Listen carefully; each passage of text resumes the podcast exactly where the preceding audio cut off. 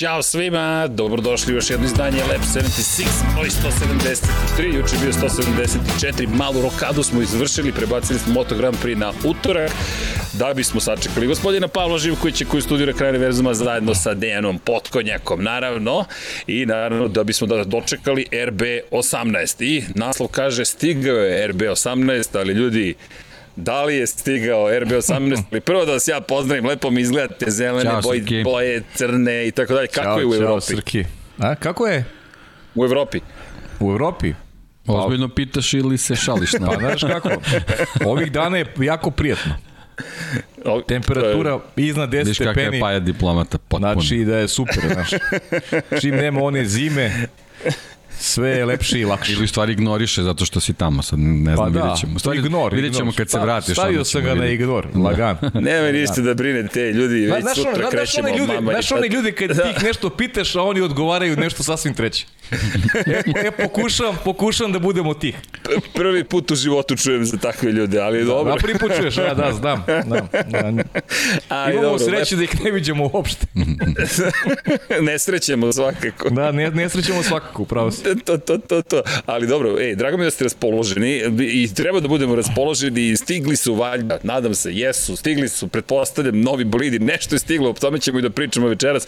Nekako je bilo logično, je, Red Bull predstavlja bolidu i kao, mnogo je rano, znaš, početak februara, sezona počinje 20. marta, ali predstavit će nam bolid. Odjednom bolid dobili smo, pričat ćemo o tome, no, pre, nego, pre nego što krenem. Ljudi, nadam se da ste dobro, budite dobri jedni prema drugima, mazite se pazite se, udrite like, udrite subscribe.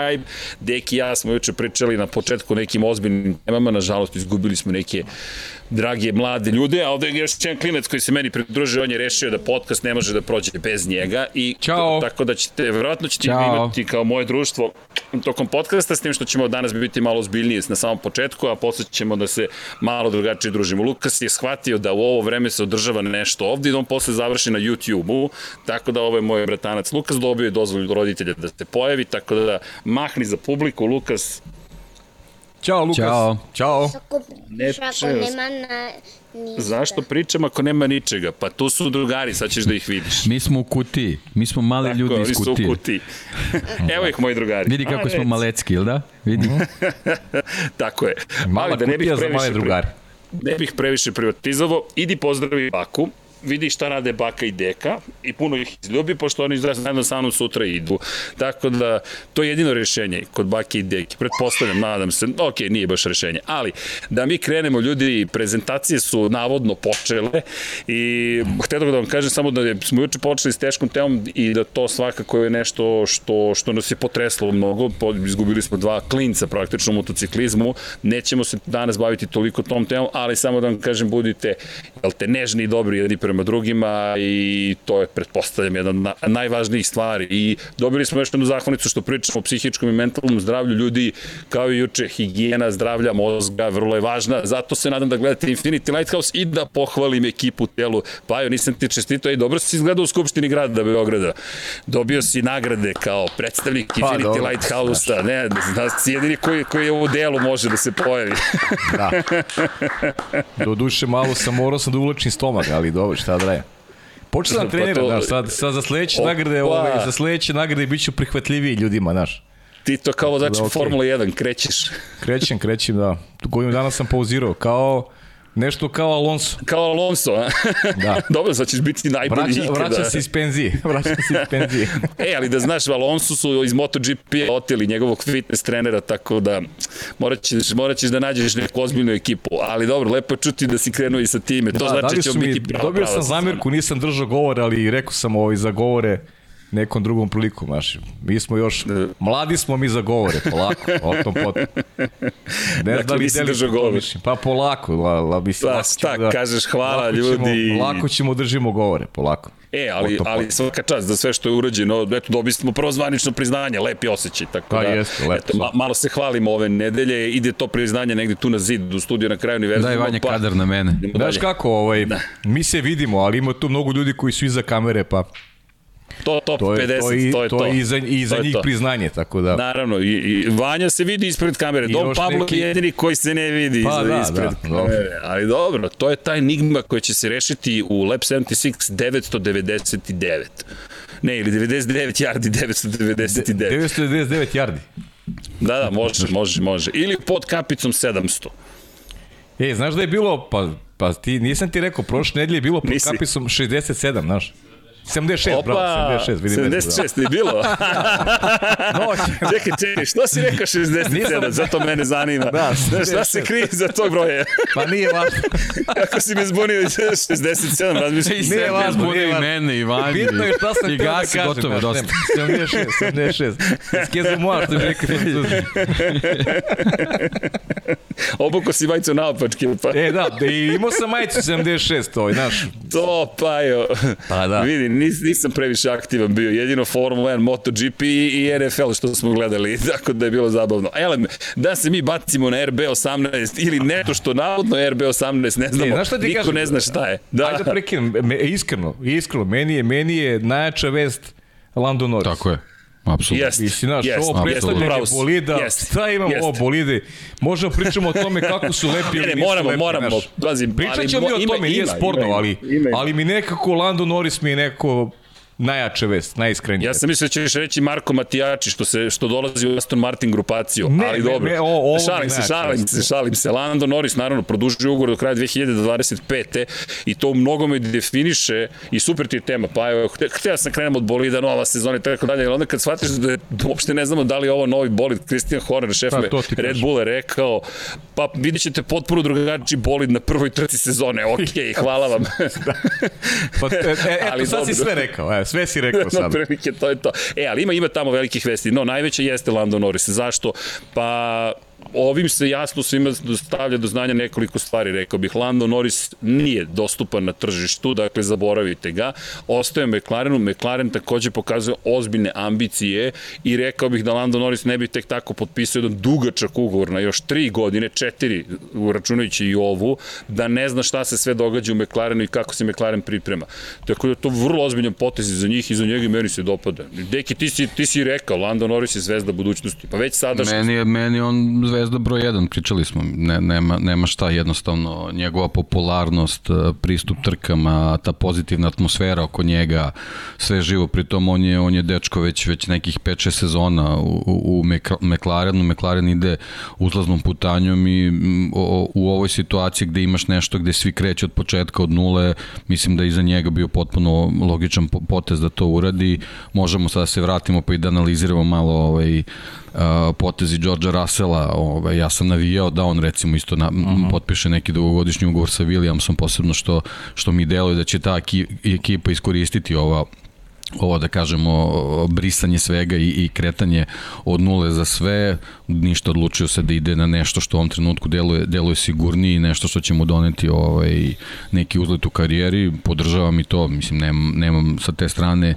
uh, ništa, ništa da, da dodam ili oduzmem, ali, ali što se tiče Landa Norisa, uh, jednostavno bio bih iznenađen da je, da je McLaren nešto drugo odlučio, jednostavno dečko je na razne načine pokazao koliko je dobar vozač, koliko se dobro uklapa je sa ekipom, koliko je dobra atmosfera uz njega, koliki je on sam talenat, koliko, koliko dobar pogled ima na dešavanju Formuli 1, koliko sa sobom, bez obzira koliko je mlad, donosi neki duh onih starih vremena koje mi volimo, tako da apsolutno ono, desetka za, za potezi McLarena i Lando Norris. Sve se slažem, Deki, e, ništa, ništa mu nije mogao ni pritisak Carlosa Sainca, ništa mu nije mogao ni pritisak Daniela Ricarda, naprotiv, profilisao se kao, kao vozač budućnosti i dižem dva prsta uvek za Landa Norisa, jedan od pa, znaš, ne mogu da kažem da sam neko koji je njegov navijač, ali ogromno poštovanje i ono što sam rekao za Maxa Verstappena da ću da pojedem šolju ako ne bude šampion e sad sledeći Opa, za koga kažem, za koga šolja. kažem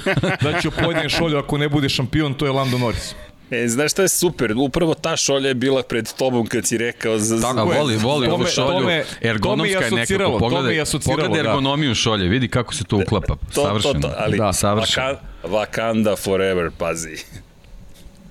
To je za Da, nas to- gikove. to je za nas gikove, to, to, to, to za Vanju i mene, za gikujemo.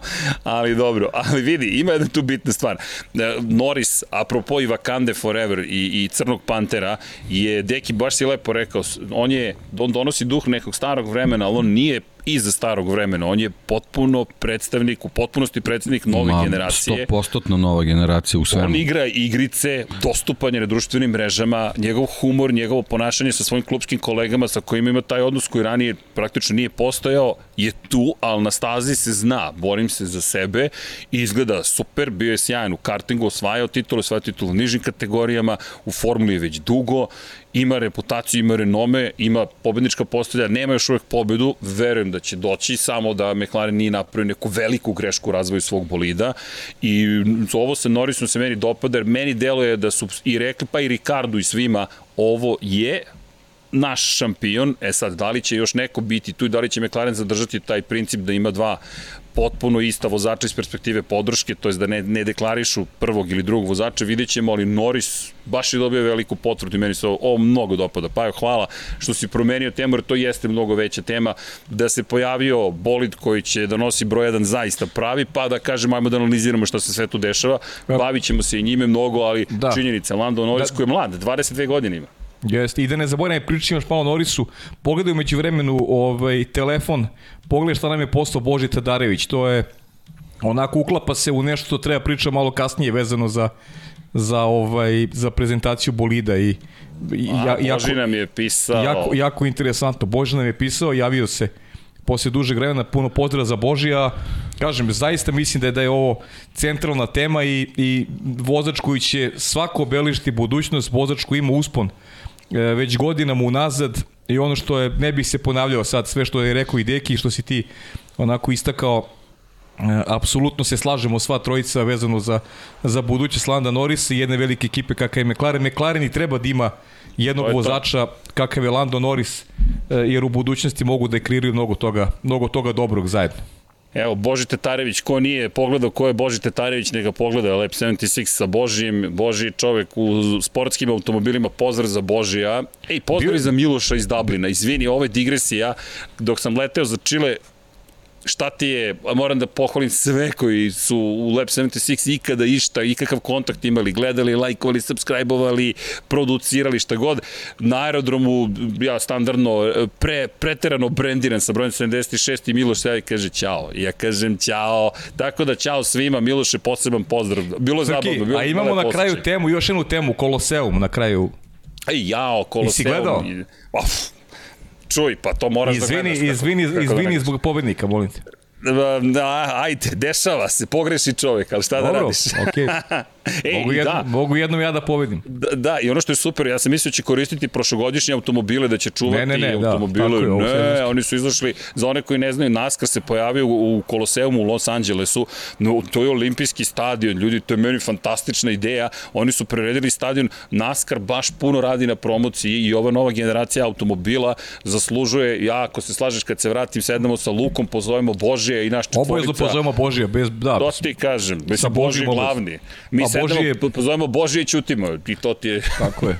To ti je to. Ali Boži šta je napisao? Ovo e, je to, super to, ajde, ajde, to, to, to. Dakle, šta je Boži uh, napisao? Uh, I, e, evo, slušaj Bože, javite ako hoćete razgovor oko Kolosema, mogu da se priključim. Poslaću ti ja, Boži, Zoom, i onako smo u Zoomu, dodat ćemo te na kraju emisije ako si raspoložen. Pozdrav za Bože, udri like Boži. Šalim se, naravno, ali nije, nije zgorek. Nego, uh, ovo što, ono što je saznao Boži, verovatno, uh, je nešto što što rekao bih da jasno govori kako timovi pristupaju zapravo, zapravo početku sezone. I sad, šta su ponudili iz FIE zapravo timovima?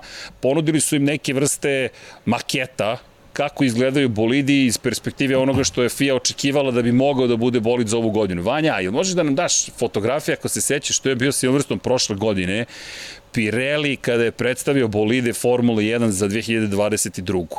I ako to pogledamo, ček da se vratim u Zoom, e, tamo ćemo, vidjet ćemo bolid koji ako, po, evo ga, hvala Vanja, care, kako si ga našao. Dakle, Pirelli F1 Media i šta je ovo? Bolid Silverstone 2021. Ako pogledamo bolid koji danas predstavio Red Bull, vidjet ćete da postoji dosta sličnosti. Elem, prema božim informacijama, Mercedes je kupio osam ovakvih maketa, da ih tako nazovem. Uh -huh. Ferrari je kupio osam, pretpostavljam da će ih po svetu nositi praktično i na neki način prezentovati ili šta već planiraju. Alpina 3, Aston Martin 3, Red Bull nepoznat broj, ali od 1 do 3, McLaren nije kupio ni jedan i Haas nije I Haas kupio nije, ni da. jedan. I ono što je super kada pogledamo, a pogledat ćemo i fotografije Haasa koje je predstavio bolid makar sa četiri fotografije, nema videa, nema ničega štednje, je potpuno u Haasu, onaj bolid zaista izgleda drugačije od onoga što su renderi koje smo gledali ili ove makete koje su nam predstavili. No, da predstavimo mi RB18, zašto? To je bolid koji će nositi broj 1, i mora da bude predstavljen. Max Verstappen će braniti titul u tom bolidu zajedno sa Serhijom Perezom. To je sada postalo opšta šala čak i u uvodnom videu dana današnje prezentaciji. Pitaju Serhija Pereza, jesi ti ministar odbrane Meksika? Kaže, ne znam, priča se da jesam. I dalje su pre, ne pre ponosni, ponosni ono što se desilo s razlogom. Dva šampiona sada u svojoj istoriji ima Red Bull, Max Verstappen i Sebastian Vettel, četiri titule s Vettelom za redom. 2010. prvo osvojio, 2021. Verstappen osvaja protiv Hamiltona na dramatičnom finišu sezonu u Abu Dhabiju i Red Bull predstavlja navodno bolid. I možemo baciti u pogled na taj film Vanja, ako možeš da pustiš ili fotografije da vidimo kako to izgleda, ali ono što je tu najvažnije zapravo jeste da smo mi zapravo dobili novog sponzora ekipe. Brate pažnju na kompaniju Oracle, ja sam mišljenja, ajde pričat ćemo o tome. I ako pogledate, ovo je zapravo bolid gotovo identičan onome što smo malo prevideli. Oslanjanje, svi, makar ono što bih ja volio da vidim jeste da li je pull rod, push rod suspenzija, o tome smo pričali, meni delo je zaista po svemu, bukvalno da je to ta maketa i da smo zapravo dobili boje, da te citiram, deki, livery presentation u suštini, I ono što je najveća vest, ne znam da li se slažete ljudi, obratite pažnju kolikim slovima Oracle piše sa strane i prva stvar koju su izgovorili na prezentaciji, direktor marketinga Oracle je bio prisutan. Pa to, to je suština. Pa on je da, pričao pre to. Maxi, pre Serhije Pereza. Bukvalno, on je pričao pre svih koji su učestvovali u šampionatu i priča je bila, od sad se zovemo Oracle Red Bull Racing. I, ok, lepo je vidjeti fotografije bolida, kako god, lepo je. Pa to, da, je to, je, to je taj šampionski I, benefit. Anja, jao, možeš da vratiš malo vrati, nazad. Vrati izvirite. samo malo nazad. Vrati malo, jesi vidio, deki, da, deki, da, ba. a, jesi, a, vrati, e, e, vrati, vrati, stop, e, stop, stari, stari. A, izvini, šta tu piše? Može neko da mi pročita? HRC. slatko izgleda. A, je, simpatično izgleda. Nešto što me podsjeća nešto o čemu smo juče pričali. Za, za one koji ne prate Moto Grand Prix, HRC ili ti Honda Racing Corporation je prošle godine kraju sezone, sada, sada se kockice slažu, prerast, dobio novi logotip, mala izmena, prestali, prestali su da pišu Honda Racing Corporation, piše i dalje HRC, to je HRC, ali piše Honda Racing. I odjednom jedna mala vest se pojavila da Formula 1 odeljenje će biti pripojeno Moto Grand Prix odeljenju, bez obzira što je mnogo kompleksnije ono što radi Formula 1 odeljenje i oni su podvučeni zvanično pod HRC i na bolidu neće pisati Honda, ali eto, baš tamo gde je motor sa unutrašnjim sagorevanjem, to je hibridni pogon, piše HRC. I prošli put smo rekli u Sakuri će proizvoditi Hondine motore. Ljudi, Honda je ostala u Formuli 1 da mi ne uvijamo reči ovo je način da sačuvaš obraz, da kažeš otišli smo, a da u suštini ne odiš. Da, i konačno pravi potes Honda. Da, konačno. Da ne bude ponos pre svega. Tako je. Ne, ovo je super. Ne, I Oracle... nedostaje, nedostaje logo ovde na, na, na nosu, ali verujem da će se vremenom i to pojaviti. Da, da, jel ti da. se javlja kako pa, će se promeniti? Pa, stvarno bi bilo onako potpuno ono nerazonski da da ne učine sve da da da ostanu tu i da i da budu na toj velikoj sceni sa bukvalno sa dve ekipe, znači sa Repsol Hondom u Moto Grand Prix i sa Red Bullom u Red Bull Hondom u, u u Formula 1 stvari Oracle Red Bull Honda. Oracle, Oracle Red Bull. no, ne, ne, nećemo, nećemo, nećemo i tako. Nećemo, da, da, da. Nemamo baš, nemamo obavezu, kaže. nemamo obavezu da ovaj, ne govorimo o sponsoru. Ne, ali dobro, ne. mislim zaista ozbiljna velika kompanija, Tako, mnogo novca su ulagali u neke neke druge sportove koji su ono globalno popularni, možda se kod nas toliko ne prate pre svega mislim na jedrenje i, i zaista su ovaj ono mnogo novca tu ulagali i jednostavno kompanija koja se bavi analizom podataka da, da, da uprostim, a zna se šta je Formula 1 kao što je Christian Horner rekao, oni su dnevno gladni za podacima, tako da Oracle svoje mesto Tako apsolutno tu nalazi, da ta čitava priča sa Red Bullom stvarno dobije tu neku ozbiljniju dimenziju, da jednostavno samo ne bude samo da je to neko energetsko priče i neka zabava nekih ovaj, milijardera, nego jednostavno da, da je jedna velika ozbiljna kompanija prepoznala koliko vredi taj, taj tim Formule 1 i evo ovo je, ovo je stvarno dokaz toga. Da, slušaj, i kad, i kad osvojiš titulu, red je da se pojavi neki neki sponzor, da. veliki sponzor, da. mislim to tako ide i zato ta Dokaz titula Red Bulla titula vredi, da. Kako ne da, vredi, da. pogotovo u onakvoj konstelaciji snaga gde kome se ko, kome je bilo isplativo da da investira u neki proizvod Formula 1 kada kada je Mercedes imao šapu na taj sport godinama nazad. Red Bull je sada to prekinuo i negde je bilo za očekivati da dobije jednog moćnog sponzora i i upravo se to i dogodilo. Da, inače jedan zalog je... za budućnost. Da, ovo je inače velika bitka u kompanija, u kompanija koje se bore za tržište klauda, kod je oblaka, digitalnog oblaka. I pozdrav inače za Marka, Marko ja se tako često dopisujem, Marko kaže Oracle, a onda dodaje AWS, Amazon Web Services i naravno Microsoft, ali dodao bih još jednu kompaniju, čekam da se pojavi, zove se Google, čisto da, da, da, da postavimo stvari u perspektivu Amazon, Google, Microsoft i Oracle su četiri najveće kompanije u Sjedinim američkim državama koje se bave procesiranjem podataka, obradom podataka, skladištenjem podataka, hostingom i tako dalje. To su sada data lakes, data storages, warehouses itd. itd. itd.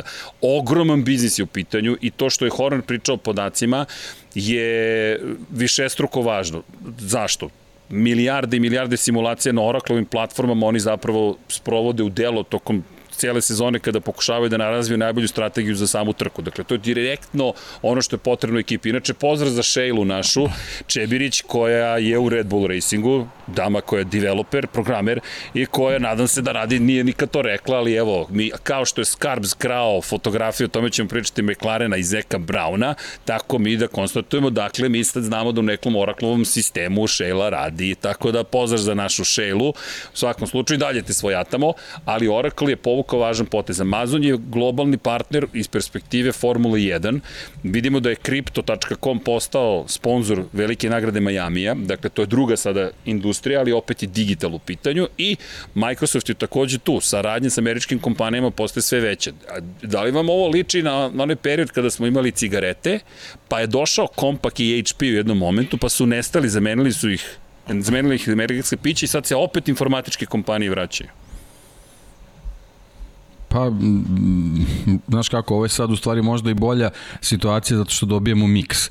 Ono ranije nekako bilo kao, kao one, one, one slamke, slamke spasa, da, u nekoj situaciji kad smo ostali bez, bez pre svega, bez uh, uh, duvanskih kompanija koji su generalno podigle Formulu 1 u nekim početcima na, na taj neki viš, viši nivo kad je, kad je krenulo sa sponzorisanjima i, i, i ovaj, većim prilimov novca u, u šampionat, onda kad, kad su došla ta neka pravila koje su njih polako istisnuli, iako znamo da su oni i dalje nekako prikriveno, ovaj, u nekoj senci su i dalje tu, ovaj, u jednom trenutku su se pojavile te neke digitalne kompanije, zato što u tom trenutku ovaj, krenuo neki razvoj, u, Formula 1 uspela da ih privuče ka sebi, čisto zbog tih svojih visokih tehnologija i, i, i generalno ovaj, zadrži taj neki zamajac koje, koji je mogao da, da nestane, a onda su se pojavili ovi giganti vezani za, za energetska pića, to smo pričali, mislim njima zaista dugujemo ovaj, zahvalno što su, što su u nekom trenutku, naravno pre svega zbog svojih interesa, ovaj, prepoznali Formulu 1 kao, kao, kao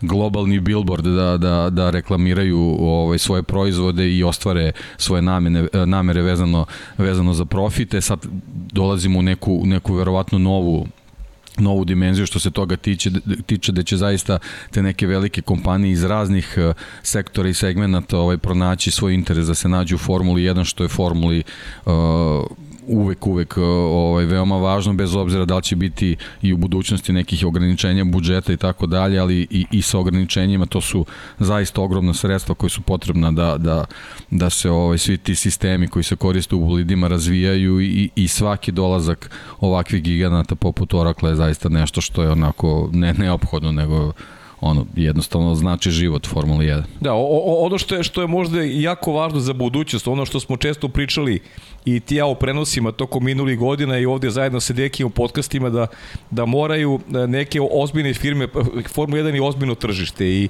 i Formula 1 se gleda svuda u svetu, a znamo sa, sa e, koliko problema su funkcionisali timovi tokom prethodne dekade. I ti mali timovi od, od opšteg interesa da oni prežive, a mogu da prežive uz, uz pomoć sponzora koji bi pronašli način e, koji bi pronašli motiv negde da se da se negde da, da negde sponzorišu i da se pojavljuju e, tokom trka kao kao e, onako direktni učesnik e, šampionata, ali kroz sponzorisanje tih nekih uslovnečenih manjih timova koji svaki novac, e, svaki evro bitan da bi preživali sezonu i imali poslovanje koje zadovoljava e, zadovoljava kriterijume i podrazumava neki neki boljitak u godinama koje dolaze. Sećaš se da da, nije tako davno bio period kada su bukvalno timovi moraju da otpuštaju ljude iz, iz, iz eh, svojih ekipa kako i mogli da prežive.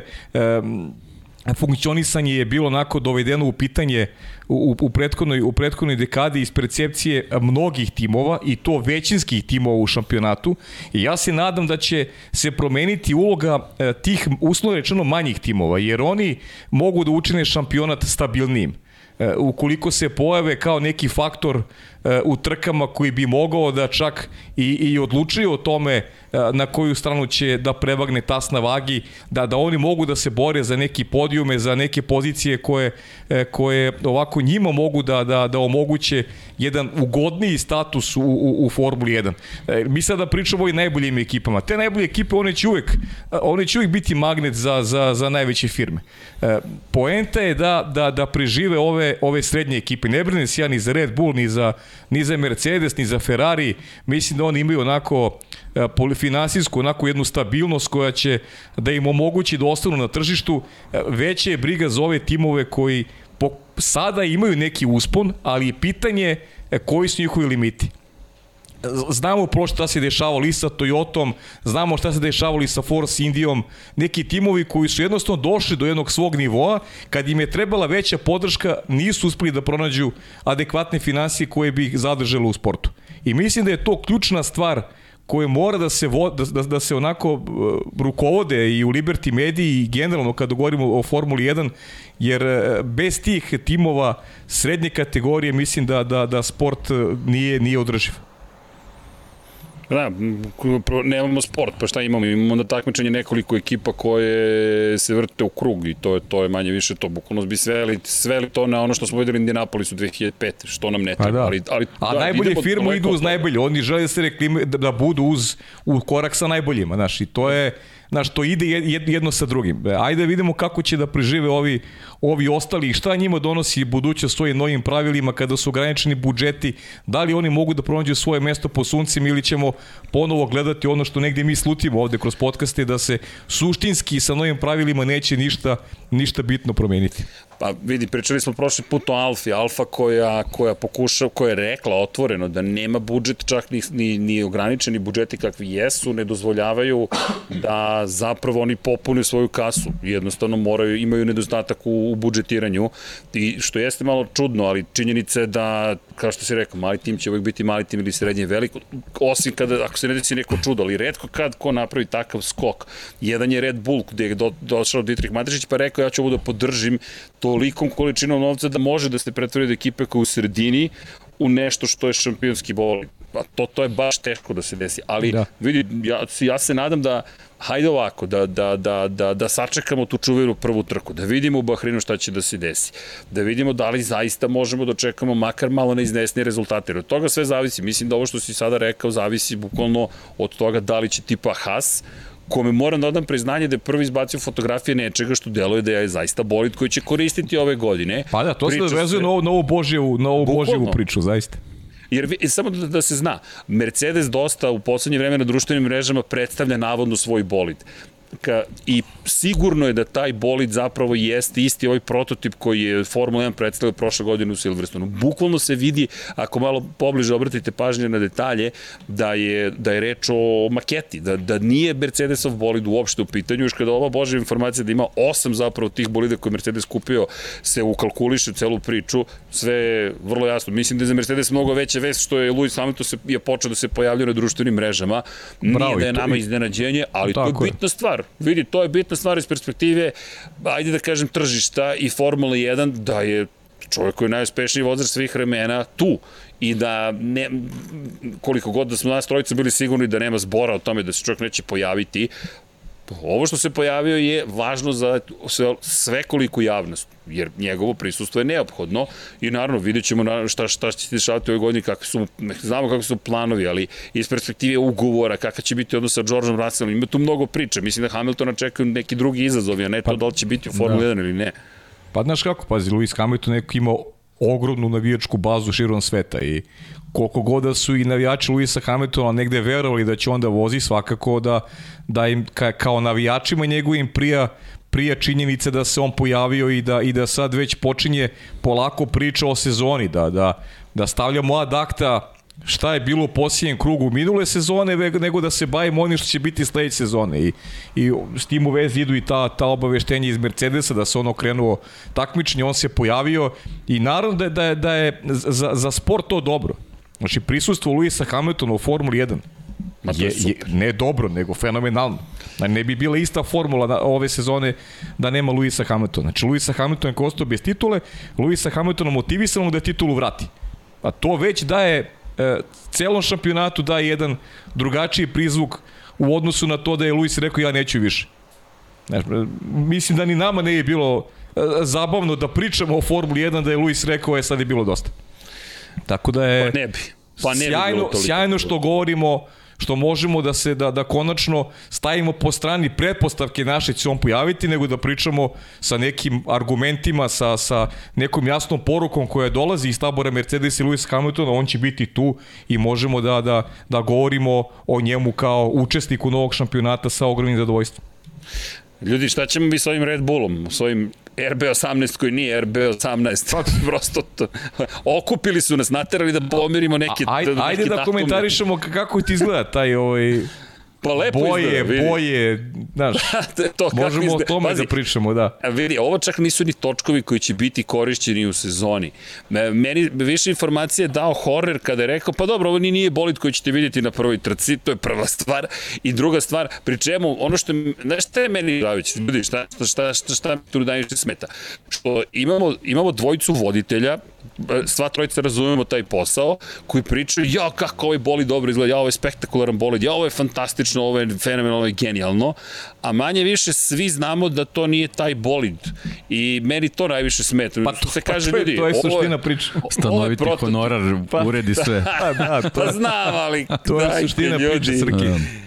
Znaš, ne, meni, to meni najviše smeta, ono pričali smo, jednostavno uh, čitavo vreme postoji branding gde piše RB18 ovaj, i onda u jednom trenutku da. shvatiš da, da je u stvari samo, samo praktično ovaj, uh, korišćenje dobrog termina, da naravno svi, svi mediji su danas ispratili ovaj, tu digitalnu, naravno, digitalnu konferenciju i naravno Tako je. Oracle je taj koji je najveći bonus dobio ove današnje Ovo je bilo za Oracle, priče. ovo je sve organizovano. Je. Bravo ljudi, to A je mi, to. mi eto, samo, samo možemo da, da nagađamo uh, u, u, u, u smislu šta tu sad sve može da bude drugačije na tom bolidu, a m, bukvalno uh, jedino, jedini reper koji imamo u stvari Haas.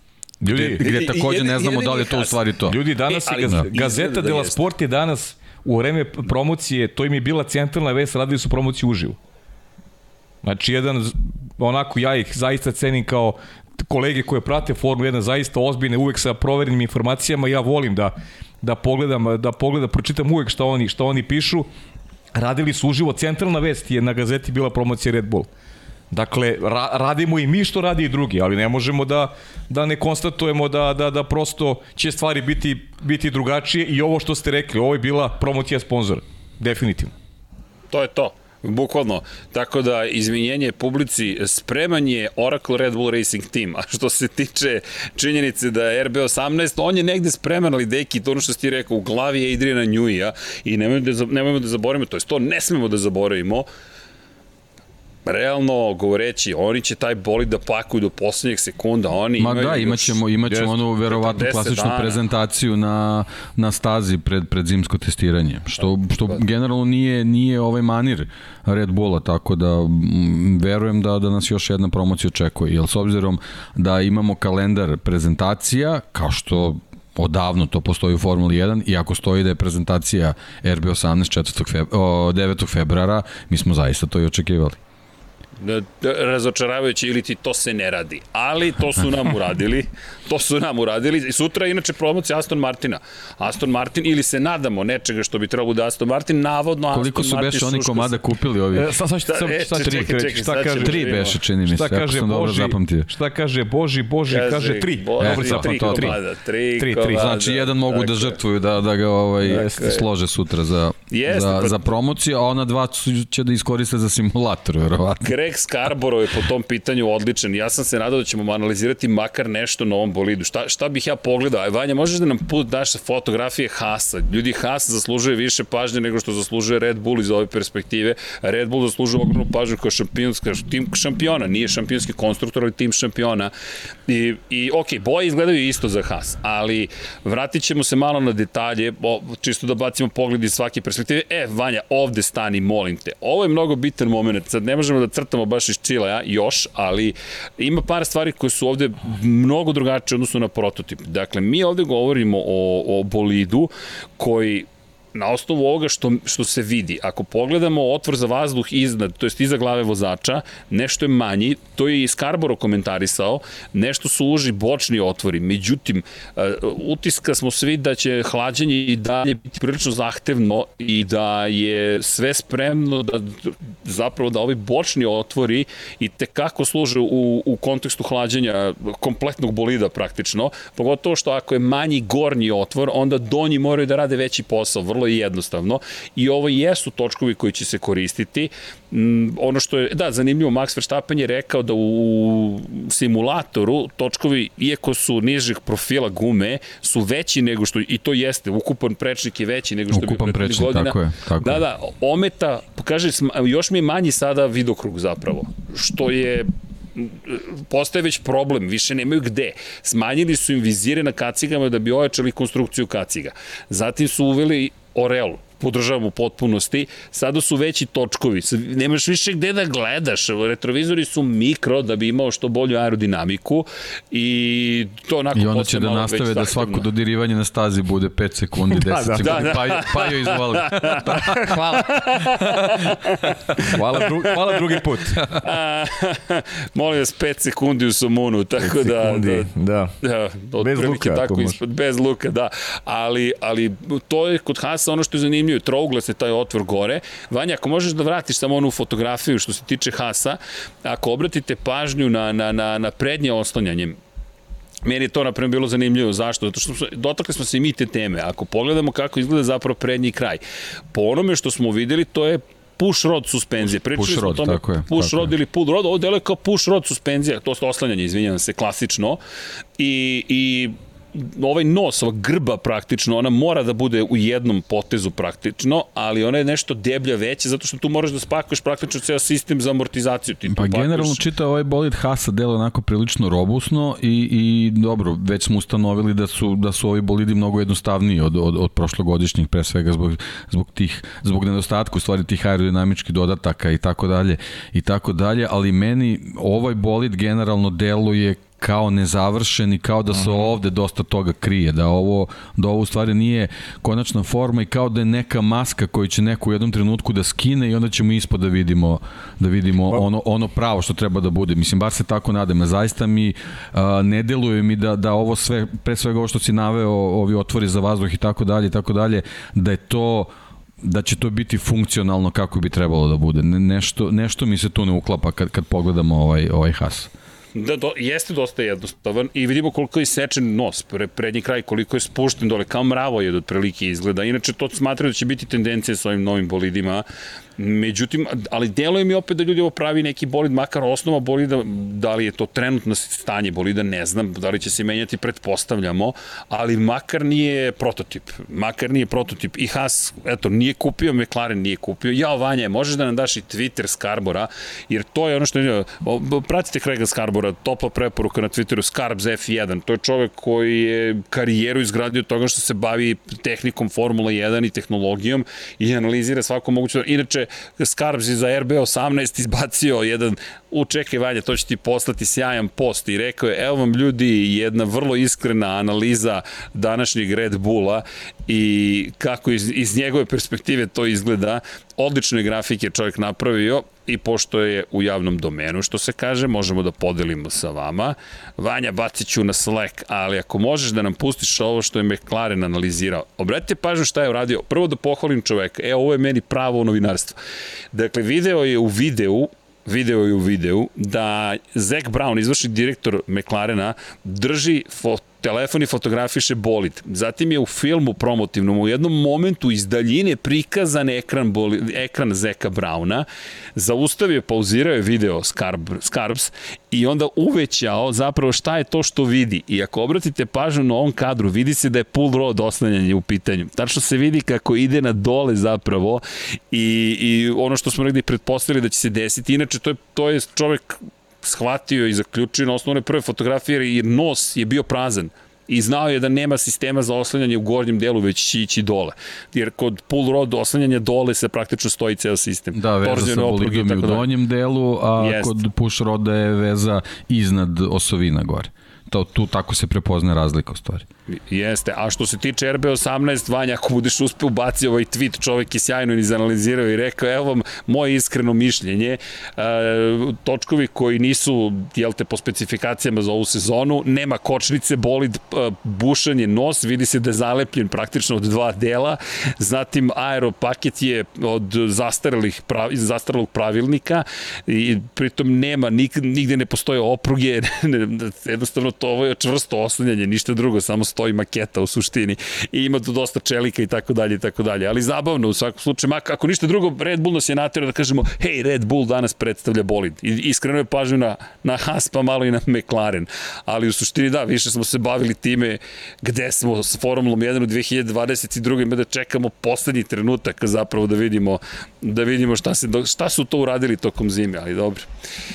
I tako.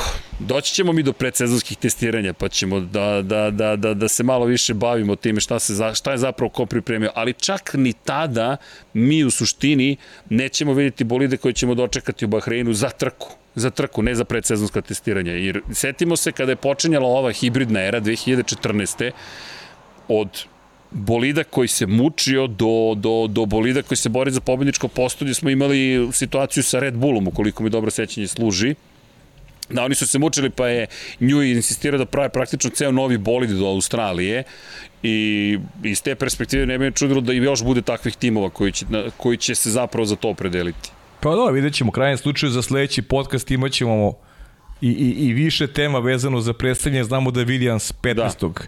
februara predstavlja, čekamo sada i Aston Martin, McLaren, Alfa Tauri, tako da će biti više ovaj, nekih informacija, ajde vezano, vezano za, za predstavljanje, a evo, vrlo brzo ćemo imati prilike da, da analiziramo i presezonska testiranja, tako da eto šta za dve nedelje imaćemo neke, neke prve ovaj, rezultate, znamo u prošlosti nisu baš mogli da nam otkriju kako će sezona odvijati, ali bit će zanimljivo upravo zbog toga što ulazimo u jedan novi period, jedan novi ciklus koji e, onako svi očekuju da bude zanimljiviji, a opet e, mi ovde očekujemo da nam donese manje više sličan ovaj sličnu raspodelu snaga kao što je to bilo pre svega ove godine. Ajde, pa i da bude kao ove godine možemo da budemo zadovoljni. Još ako se uključi još jedna ekipa u borbu za titulu, to bi onda bio benefit za sve nas koji volimo Formulu 1. To bi već bilo sjajno, ali Pa, a, i, re, I realno redko se dešavalo da tri ekipe kroz istoriju se bore za titulu. Zaista je to bio redak primer. Sada da da budemo iskreni, znači nije, nije nam u formulu u prošlosti nudila takvu vrstu zabave često. Naportiv, to su onako bile redke godine. Uglavnom su imali dve ekipe ili, ili još češće da se vozači unutar jedne ekipe bore za, za, za šampionsku titulu. Tako da, sve preko borbe dva tima jedan, jedan, jedan benefit za sve nas. E vidi, dovodiš me nekako, iako sam hteo da krenem sa Aston Martinom i tom činjenicom da sutra prezentuju bolid, pa da je Matijači do, došao u Aston A može, što da ne, može, ajde, ajde, vidi, može. bivši šef Ferrarija, čovjek koji je doveo okay. Sebastiana Fetela u Ferrari, čovjek je sada zadužen za robnu marku i za, za, za zapravo komercijalne ugovore. Nije mala uloga, to je čovjek koji je dosta dugo bio u Severnoj Americi, on je bio izvršni direktor Ferrarija Severne Amerike, živeo je dosta dugo u Americi, pa je preuzeo Ferrari F1 tim na, na, na kratko, potom je otišao iz cele priče sada je, sada je deo Aston Martin Lagonda kom, kompanije. Ono što je to zanimljivo, meni makar, jeste taj Aston Martin koncept koji očigledno je pod, upravlj, pod, pod rukovodstvom Lorenza Strola, oprostite, došao do toga da mi toliko pričamo o Aston Martinu, zapravo sve mi jasnije šta rade. Ljudi, oni imaju marketički napad nezapamćenih razmera.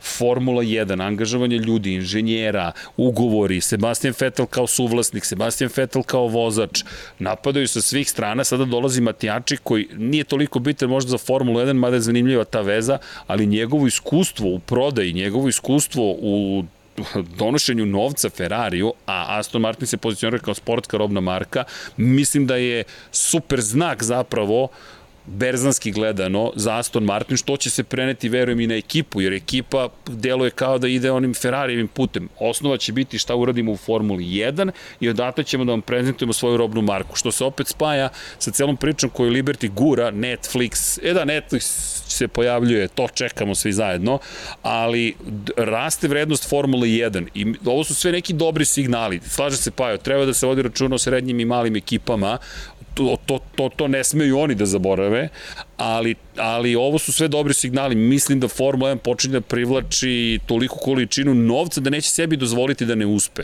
To, to mi je neki zaključak što se tiče Aston Martina.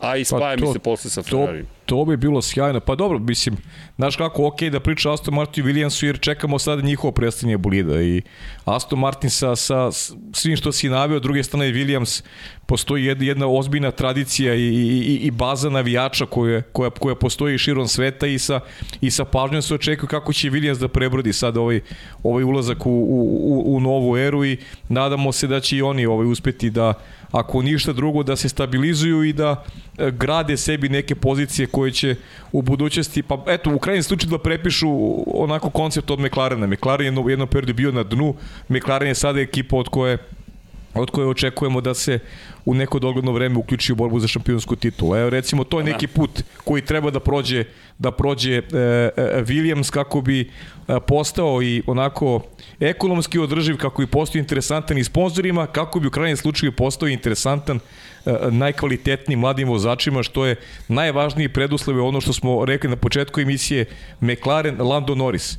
Dakle, McLaren je, je stekao poziciju u kojoj Landa Norisa čini zadovoljnim i, i, i on vidi u McLarenu projekat koji možda mu donese ono o čemu sanja, a to je šampionska titula. A Lando Norris je definitivno materijal da osvoji šampionsku titulu i drago mi je da delim ovde mišljenje, ja isto vidim Landa Norisa kao e, najboljeg e, prezentera te takozvane britanske škole u budućnosti. Ja vidim njega pre nego George Russella kao, kao budući šampion. Eto, opet sad se vraćam negde na, na, na, na Landa Norisa, ali prosto I, ali, ako tema je mogu da uskočim, pazi sad ovo, ne spaja se savršeno, spomenuo si Williams, i to je jedno od vesti, Zeko Sullivan je potpisao da se pridružuje vozačkoj akademiji Williamsa, što nije mala stvar, to je još jedan britanski vozač, momak koji inače bio drugoplasirani pre dve godine u Formuli 4 britanskoj, prošle godine u GB3 šampionatu bio šampion, ove godine će voziti za Carlin u Formuli 3, tako da ćemo ga pratiti i to kroz svih 18 trka.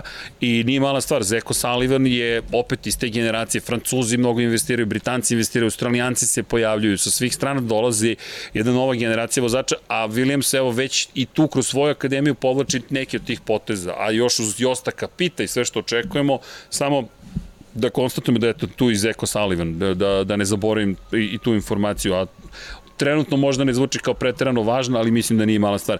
E, spomenuo bih Ferrari kada smo spomenuli malo pre Matijače, zato što se šuška da Ferrari ima problema sa aerodinamikom. Leo Turini, to je italijanski novinar, prilično poznat i pratite njegov blog, je napisao da su zapravo zabrinuti za aerodinamiku. Ne toliko za motor, koliko ih brine aerodinamika. I apropo Red Bulla, deki, pre nego što smo se uključili, ti ja smo se dopisivali kratko, pa si napisao Adrian Njujić će baš da otkrije nešto. Adrian Njujić. pa, ne, pa neće do, dok momente dok mu zakonski do, dozvoljava, to, to tehnički neće dozvoliti da iko vidi šta je pripremio čuveni šef ekipe, to je tehnički direktor zapravo Red Bulla, legenda i McLarena i Williams.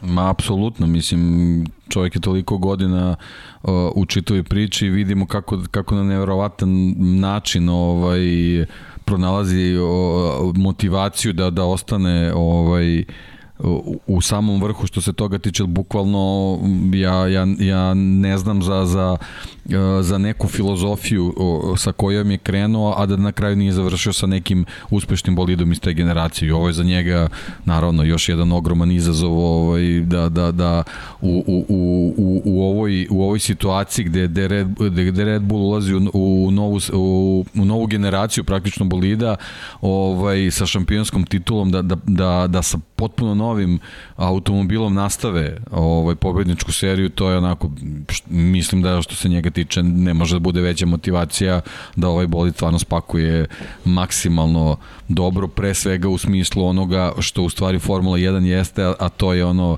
pronalaženje tih nekih rupa u, u, u propisima, tumačenje ovaj pravila na drugi način, odnosno na ostali kako bi se kako bi ti bolidi bukvalno što se toga tiče tog konstrukcijskog dela došli na svoj maksimum tako a, a znamo samo mislim Adrian Newey je što se toga tiče jednostavno mag zaista da, on on on Ross Brown je tako uh mhm. -huh. tako ti neki ovaj genijalci. genijalci koji su se o, tokom decenija održavali u Formuli 1 i uvek pronalazili način da, da, da, da u, u tim evolucijama naprave revoluciju tako da mislim da je ovo što se što se Adriana Njuje tiče ne može da bude veći izazov zaista. Da. A očigledno da je da je Sting sa genijalcima uvek treba biti i obazrivi napraviti im neki ambijent koji njima odgovara. Očigledno da, da je Red Bull i tu pronašao jedan dobar ambijent koji, koji nju odgovara. Znamo da i tokom ove ere u Red Bull imao ponudi i sa drugi strane da možda i masnije kada govorimo, da, da. kada govorimo o financijama, ali on je prosto pronašao sebe i,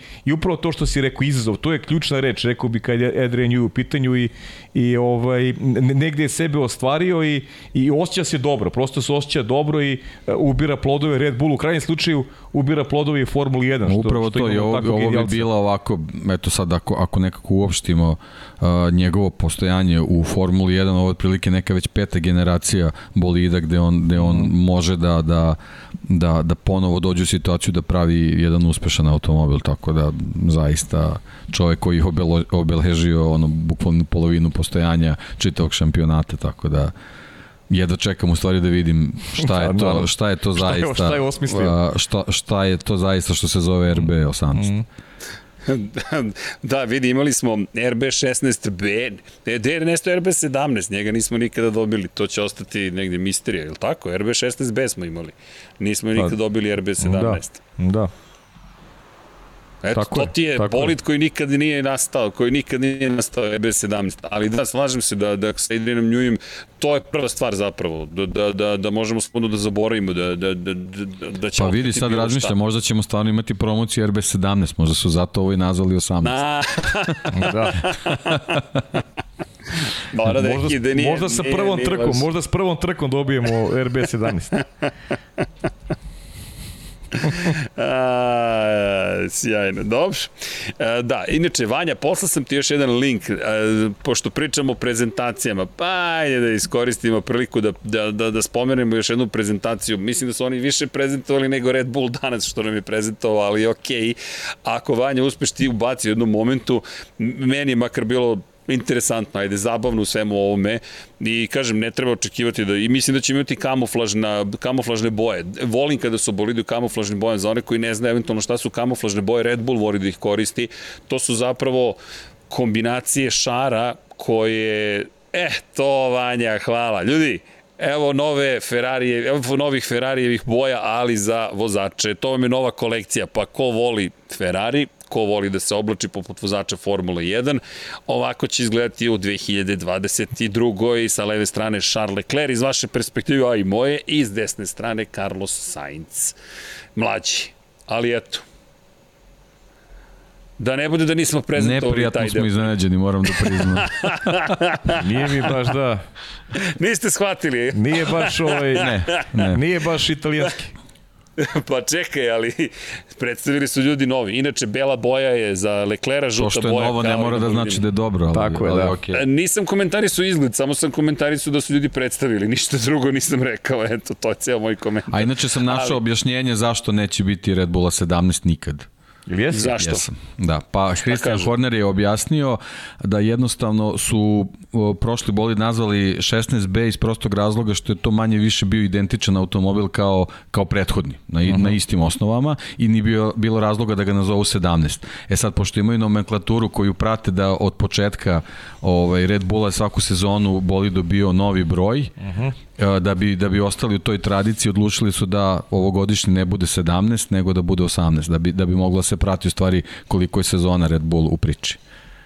Eto to je prosto i jednostavno da Eto, punoletni su i to su hteli da obeleže, da, da, ne, bude, da ne bude da varaju uz godinama. Znaš kako, ja sam razmišljao recimo da li Lewis Hamilton nosio broj 17, nije.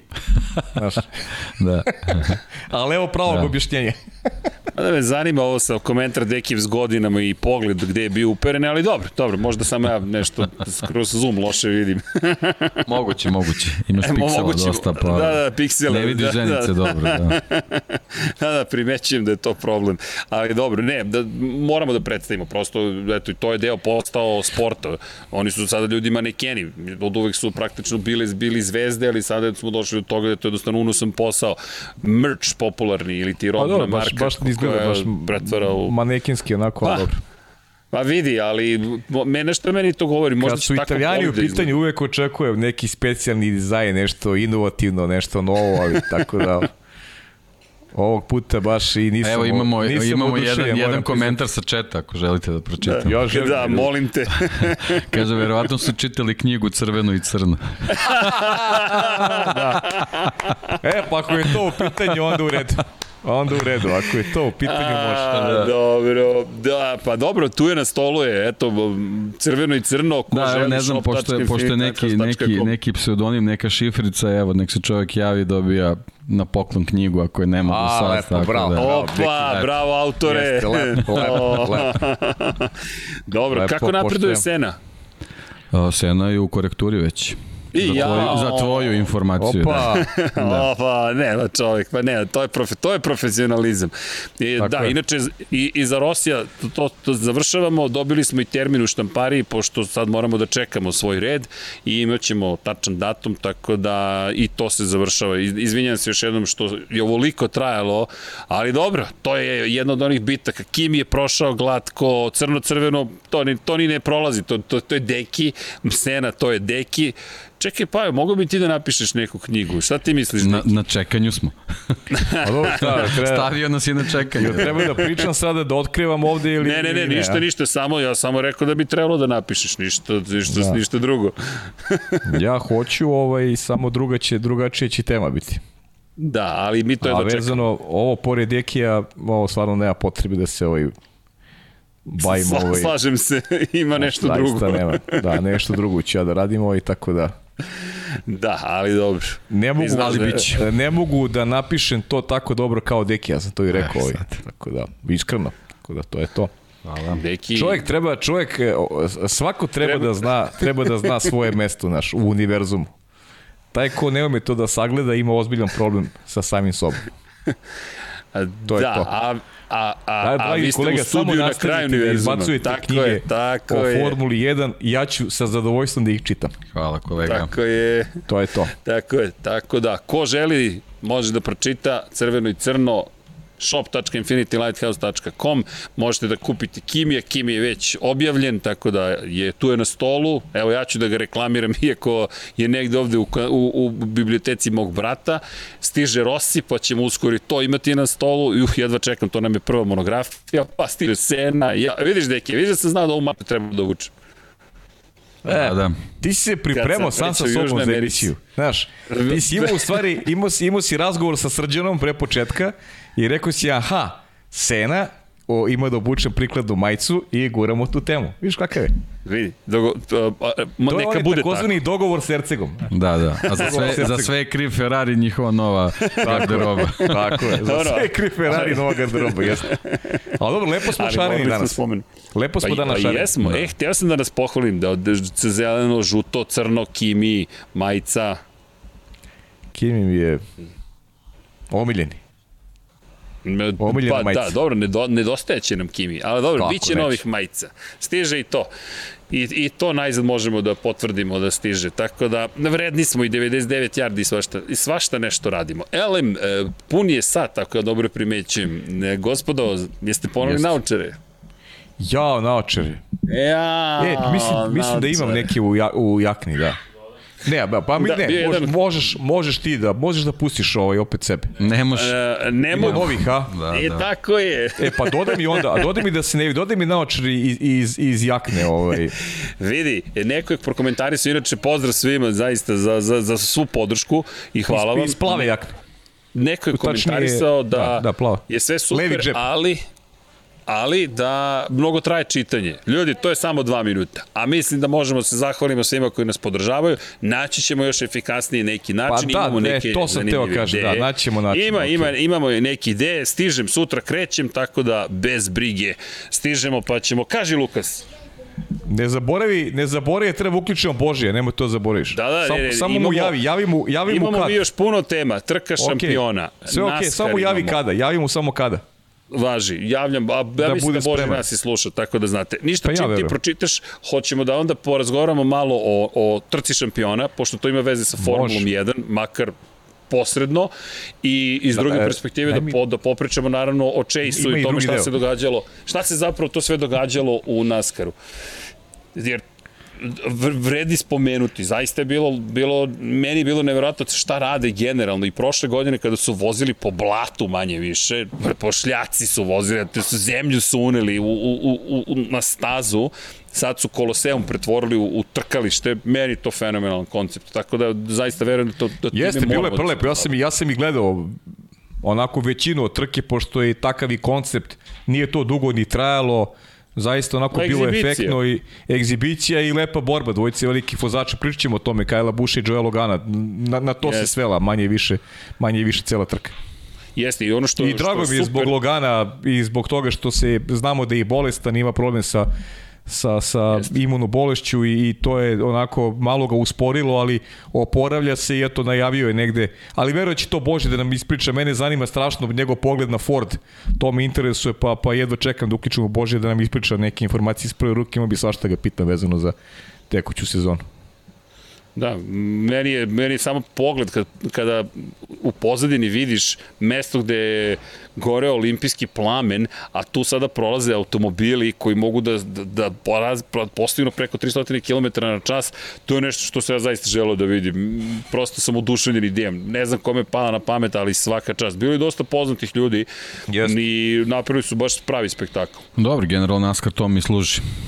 Jeste? Pa da. On je ta disciplina koja od samih početaka ovaj, vuče na spektakl i, i na, naskoro to, to pristaje i vidimo jednostavno popularnost eh, ne opada nego naprotiv raste bez obzira što ti bolidi, eto, on, u stvari nisu bolidi, automobili praktično automobili. tradicionalno izgledaju i tu nema, nema, nema neke specijalne filozofije, mislim to, to, to vi mnogo bolje možete i da kažete i potvrdite, jednostavno taj koncept je nešto što NASCAR-u pristaje i, i, i apsolutno čim se uđe u svaku trku znaš da će biti zanimljivo, ne, ne, nema šta. Jeste. Da, Samo... Samo- ne znam da Vanja zna. Mark Sanchez je takođe bio prisutan. Tako da eto, i, i, i ljudi iz NFL-a su se pojavili. Da, da, bio, e, da, bili su neki sin ljudi iz NFL-a, neki, neki bivši, ja, ja stvarno meni ne znači ništa, vama to znači sigurno, ali kažem ti, gledao sam, gledao sam onako većinski, baš su napravili onako jedan, jedan lep spektakl. Jeste, Hoćemo inače... da čitamo, da možemo da, skid, da čitamo, ovaj, Ajde, ovaj, da ajde, skinem naočare ajde. što pre, ovaj, znaš, Odri. mi- muti mi se pogled. Idemo, a? Idemo. Znači, e, ne mogu sve da vidim, Vanja. Aha, dobro. Sava, Sava, Sava je prvi. Toni Ruščić, Mario Vidović, Ivan Toškov, nema ga u studiju, jedan veliki minus. Stefan Dulić, Marko Bogavac, Ozren Prpić, Marko Mostarac, Nikola Grujičić, Aleksa Vučaj, Zoltan Mezeji, Zoran Šalamun, Miloš Banduka, Laslo Boroš, Đorđe Radojević, Ivan Simunović, Mihajlo Krigović, Nena Divić, Nikola Božinović, Monika Erceg, Omer Kovačević, Filip Banovački, Miroslav Vučinić, Predrag Simić, Žorž, Stefan Vidić, Mlađan Antić, Jelena Mak, Mladen Krstić, Marko Ćurčić, Milan Nešković, Ivan Maksimović, Bojan Mijatović, Petar Relić, Stefan Prijović, Nenad Simić, pa onda Luka Saović, Andri Božo, Boris Gvozden, Boris Golubar, Zorana Vidić, Luka Manitašević, Ljubo Đurović, Borko Božunović, Đorđe Andrić, Aleksandar Gošić, Mirjana Živković, Nemanja Miloradović, Miloš Vuletić, Vukašin Vučenović, Ognja Marinković, Miroslav Cvetić, Marina Mihajlović, Veselin Vukićević, pa onda Jelena Jeremić, Antonio Novak, Stefan Milošević, Nikola Stojanović, Jasenko Samrđić, Mihovil Stamičar, Stefan Nedeljković, Zoran Majdov, Josip Kovačić, Lazar Pejović, Benjamin A, Nemanja Jeremić, Da žena ne sazna, Boris Kujundžić, Tijana Vidanović, Stefan Ličin, Aleksandar Antonović, Dejan Vujović, Idemo vanja dalje. Nemanja Zagorac, e, Đole Bronkos, Aleksa Jelić, Aca Vizla, Igor Vučković, Milan Ristić, Branko Bišacki, Bišački, pardon, Bisački, izvinjavam se, Nena Đorđević, Vukašin Jekić, Aleksandar M, Žarko Milić, Dejan Đokić, Bojan Markov, Ertan Prelić, Igor Gašparević, e, Alen Stojičić, Depresit Kodi, Garbrand Van, Strahinja Blagojević, Aleksandar Jurić, Vladimir Filipović, Branislav Marković, Vanja Radulović, Đorđe Đukić, Miloš Todorov, Ivan C, Žarko Milić, Emir Mesić, Stefan Stanković, Dušan Ristić, Vladimir Petković, Pavle Njemec, Jovan Đodan, Boris Erce, Katarina, Ivan Ciger, Andri Bicok, Mladen Mladenović, Dimitrije Mišić, Bahtjar Abdurmanov, Andreja Branković, Nebojša Živanović, Jugoslav Krasnić, Nedad Pantelić, Vlada Ivanović i 12 tajnih pokrovitelja. Eto, uh, obećali smo da Paja čast. čita. Paja čita, bravo za Paju. Da, znaš koliko ljudi se javilo hvala da ljudi, ti čita Hvala imena. ljudi, hvala vam. Nastavite ovim tempom da nas pratite. da nas pratite, da. lepo rečeno. Hvala ljudi, pa, ali zaista naravno. hvala za podršku. Pa naravno, pa naravno. Ej, i obećali smo da ćemo da pričamo o trci šampiona. Ajde. Neki, izvini, ko je pobedio u trci šampiona u Švedskoj? Možeš da mi kažeš? Možeš da pogađaš jednom. Je, nula puta da. upisano. Za one koji e, Vanja, nisu pravi. izvini, zamolio bih te samo, početi jednu sliku koju mi je poslao upravo Boži sada. Sačuvaj ako možda je pustiš kad budemo pričali o Fordu. E, a, izvoli, izvoli Srki. Naravno, nešto šta ti je. Ma, naravno, trka šampiona. Sebastian Leb je naravno zabeležio pobedu, ko bi drugi. Pobedio je Sebastiana Fetela u finalu. 3-1 na kraju bilo za Leba. Deki, pobedio u Reliju Monte Carlo, pa je pobedio, nije pobedio, učestvuje u Dakaru, mogu i da pa pobedi drugi, kako drugi, na, drugi na Dakaru i posle par dana otišao u Monte Carlo, mislim, nevjerovatan čovjek, stvarno, da. Sad je pobedio na trci šampiona, šta je sledeće? Biće probni vozač Ferrarija, šta, doći pa, će u Formulu 1, ne Pa ne, Extreme E šampionat kreće, on vozi u e, timu e, da. uh, Luisa Hamiltona, ovaj, produžio ugovor, prošlu, prošlu sezonu je bukvalno u poslednjoj trci izgubio titulu, tako da tu ima vice šampionsku titulu, titulu, znači ekipa Luisa Hamiltona je bila druga, a titulu su osvojili vozači iz ekipe uh, Nika Rosberga, tako da tu se nastavlja to rivalstvo, Sebastian Loeb je ovaj, u toj čitavoj priči, tako da to uskoro kreće isto nešto za, za, za nedelju dana, čini mi se, ako sam dobro zapamtio, ili, ili za, dve, za dve nedelje, nije više ni toliko bitno, tako da on nastavlja sa svojim aktivnostima, a šta će novo da bude, vidjet ćemo. Mislim, on je za ovu godinu planirao zbog, zbog svih obaveza koje ima samo jedno učešće u VRC-u, ovaj, ali s obzirom kako je krenula sezona, mislim da, da, da nas očekuje što se njega tiče sigurno još jedan izlazak na stazu što, ovaj, u VRC-u, tako da a ovde je stvarno pokazao, ovaj, bilo jako, jako zanimljivo. Ove godine je trka šampiona bila po snegu u Švedskoj Ovaj, jako zanimljive su ekipe bile. Ja sam navijao da će ovaj, Finci da dođu u sastavu ovaj, Mika Hakina, Valtteri Bottas, međutim uh, Bottas se, se nije, nije kao što, pojavio. Kao što nam je Hasan ekskluzivno dojavio. Jeste, ali je imao dostojnu zamenu u, u pajednoj omiljenoj ovaj vozačici Kimi Lainen tako da tako ovaj je. pokazala se u pravom svetlu, ovaj zaista i ona ona ona dobro vozila tako da eto bile su jako zanimljive trke, a mislim uz Sebastiana Loeba naravno koji je koji je sasvim ovaj i zasluženo i i, i možda i očekivano stigao do, do, do pobede pošto je definitivno u vrhunskoj formi. Inače ovo je bio njegova njegova četvrta ovaj pobeda u, u, u trci šampiona čime se izjednačio sa Didierom, Didierom Oriolom koji je ove godine bio a, njegov timski kolega u ekipi Francuske. Ovaj, treba pohvaliti drugog finalistu Sebastian Vettel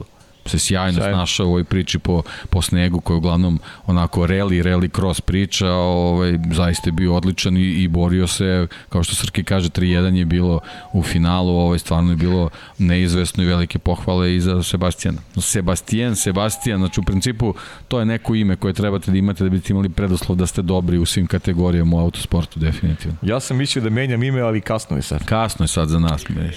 Da. Pa, da. za ovo je kasno. Možda kao neko srednji ime ubaciš, znaš. Pa da, da. Paja Sebastian, Paja Sebastian. Živković. Živković, kako zvuči. Reci Srki, što si se čuti? A? Pa, PSG. slušam, uživam, pravo da ti kažem, ali... Bravo, Vanja, isčuo Vanja, PSG, PSG, PSG, eto. PSG. Znači, ubacili Bravo, Vanja. Prodato, gotovo. Kako radi mozak, gotovo. bravo, Vanja. Prodato, PSG. Dobro. Bele, ništa, ja sam samo hteo da konstatujem da je Vettel eliminisao baš Emu Kimi Lainen i da je pa da. mislim Coltona Hertu, Tom Pa nije baš bio džentlmen, a? Nije baš bio Da, nije bio, nije bio, nije bio džentlmen uopšte, mogu ti reći. Uopšte, da. Da, da, da. Inače, Emu, ko želi može da prati u Formuli, je ona ostala u Formuli W ove jest, godine? Ja mislim jest, da jeste. Ja, ja da. mislim da je ostala. Su išle slike, ovo nisam... Jesu bile fotke? Jesu. Jesu. Ovo ima da, da, jedna da, da, slika samo, ovaj izvini Srki što te prekidam, samo ne zaboravim, ovaj jedan automobil je tu predstavljen. Uh, beli je. Videćeš ovaj Ovaj mislim interesantna je priča, ono to je to je auto, električni automobil. O, e, ovo je ovo je isto aj molim te vrati samo, ovaj e ovo je svi znamo koji je ovaj automobil legendarni Audi iz grupe B, da. Stig Blomfix ga je vozio, a, a taksi vožnju pruzio upravo Sebastinu Fetelu koji je žarko želeo. Oh, o, ovaj, tako da je ovde mu ispunjena jedna, jedna velika želja da, da ga provozaju ovom automobilu. A inače sledeća slika, ovaj, naravno oni, oni su se već preplatili na, na, na postolje, sad će Vanja da, da, da prebaci samo dalje. Ovo je slika sledeća koja je išla pobjedničko postolje.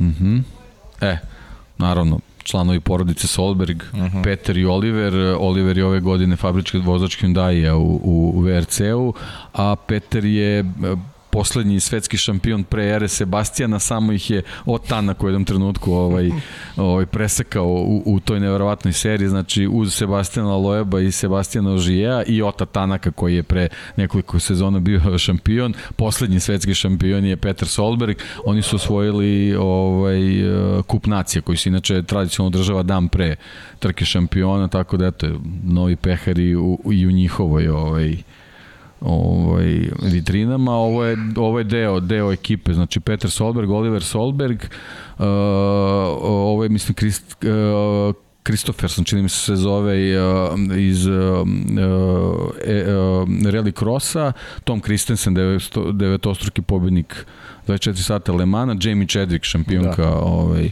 uh, W formule i naravno dobro prepoznatljivi David Coulthard. Njega da, Tako njega da, si prepozni. Da, on je tu. E, ovo je automobil, znači FC1X, ovo je potpuno električni automobil koji će od sledeće sezone biti deo trke šampiona. Jako je zanimljivo zato što ima 1000 konjskih snaga. Ovo je tako Tako da biće jako interesantno videti kako, kako će da funkcioniše na ovim, na ovim stazama improvizovanim. Ovo je Polaris, naravno klasični i, i njega su dve trke vozili u finalu Loeb i, i Vettel. Da, inače, I ovo je otprilike ovaj... konfiguracija staze, da.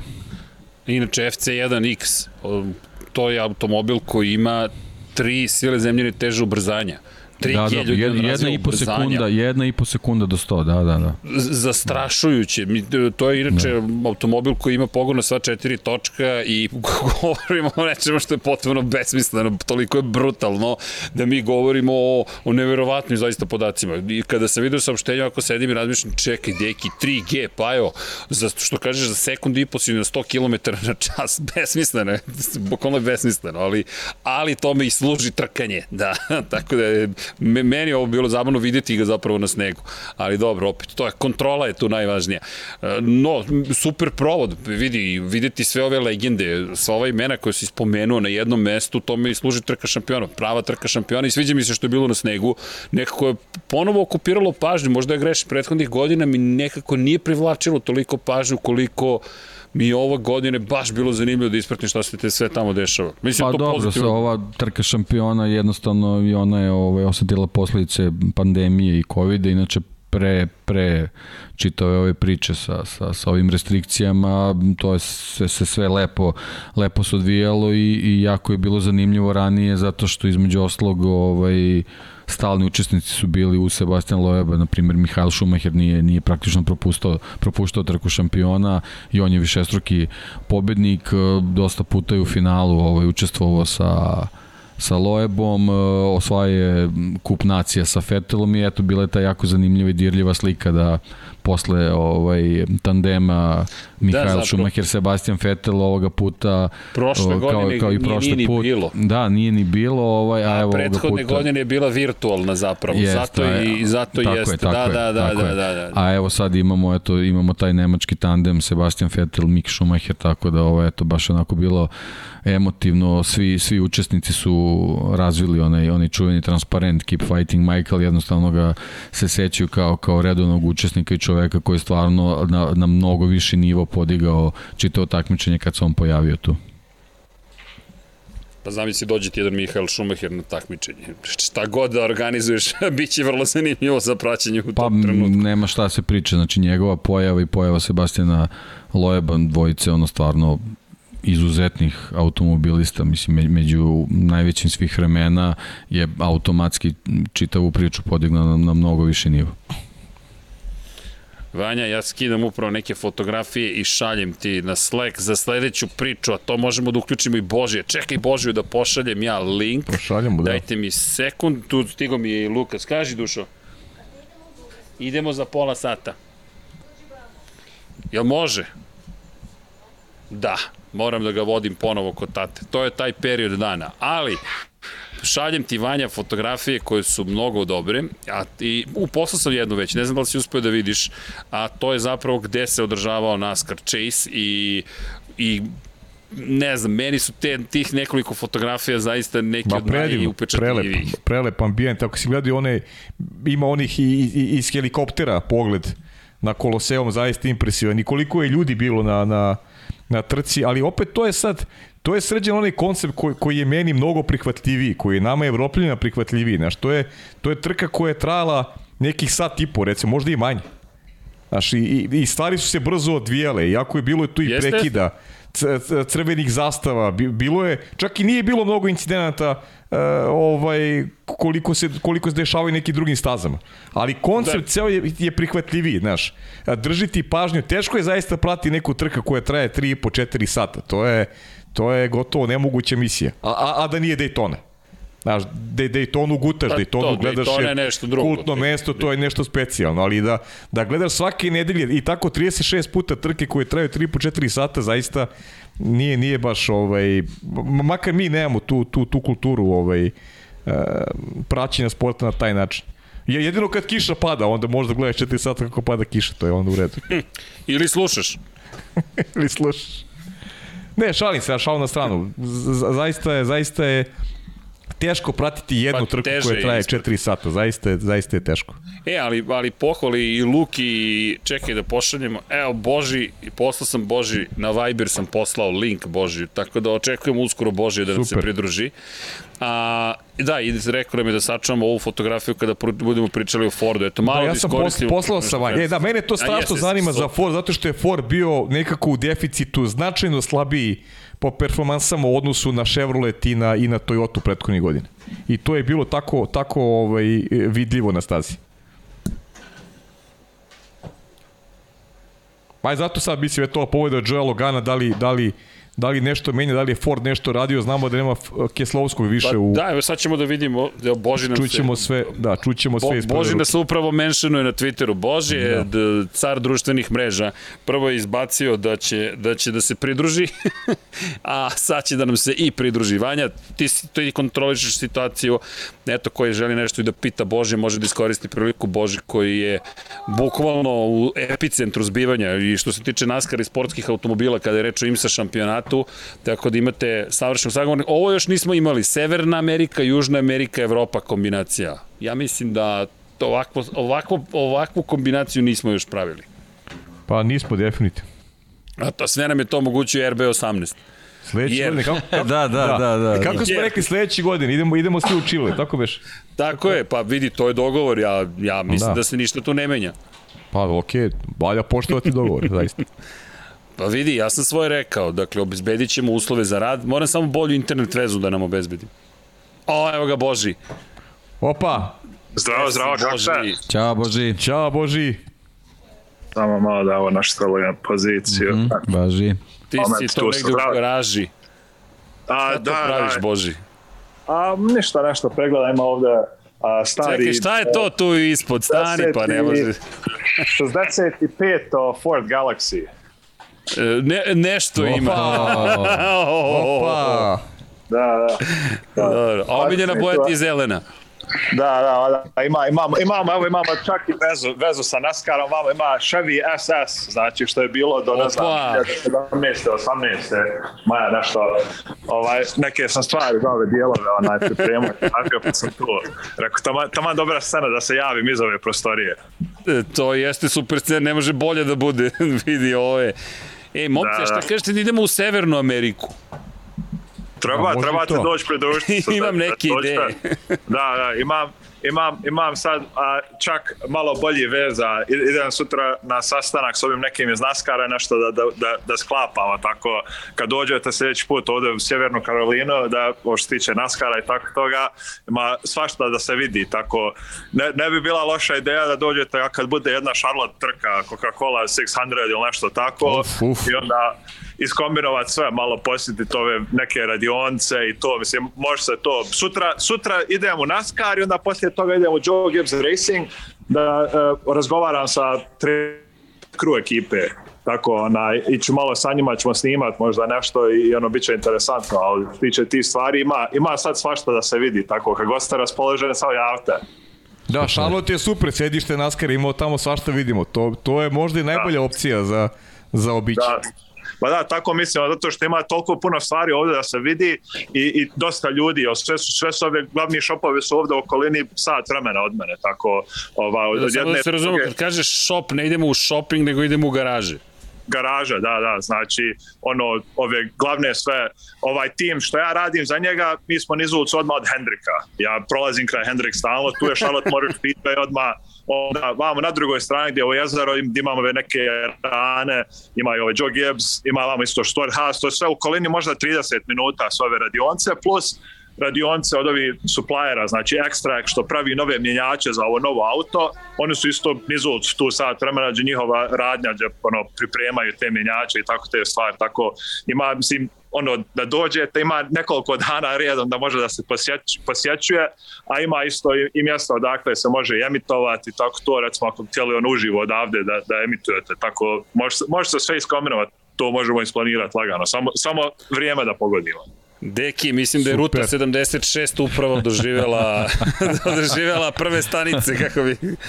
I, Pa da. znam i jedan odličan crveni automobil. Da, da, pa eto, taman. Može, može se sve, sve, sve da se iskombinuje. Sve se da srediti, da, da, da. Bože, Da, da. hvala ti puno.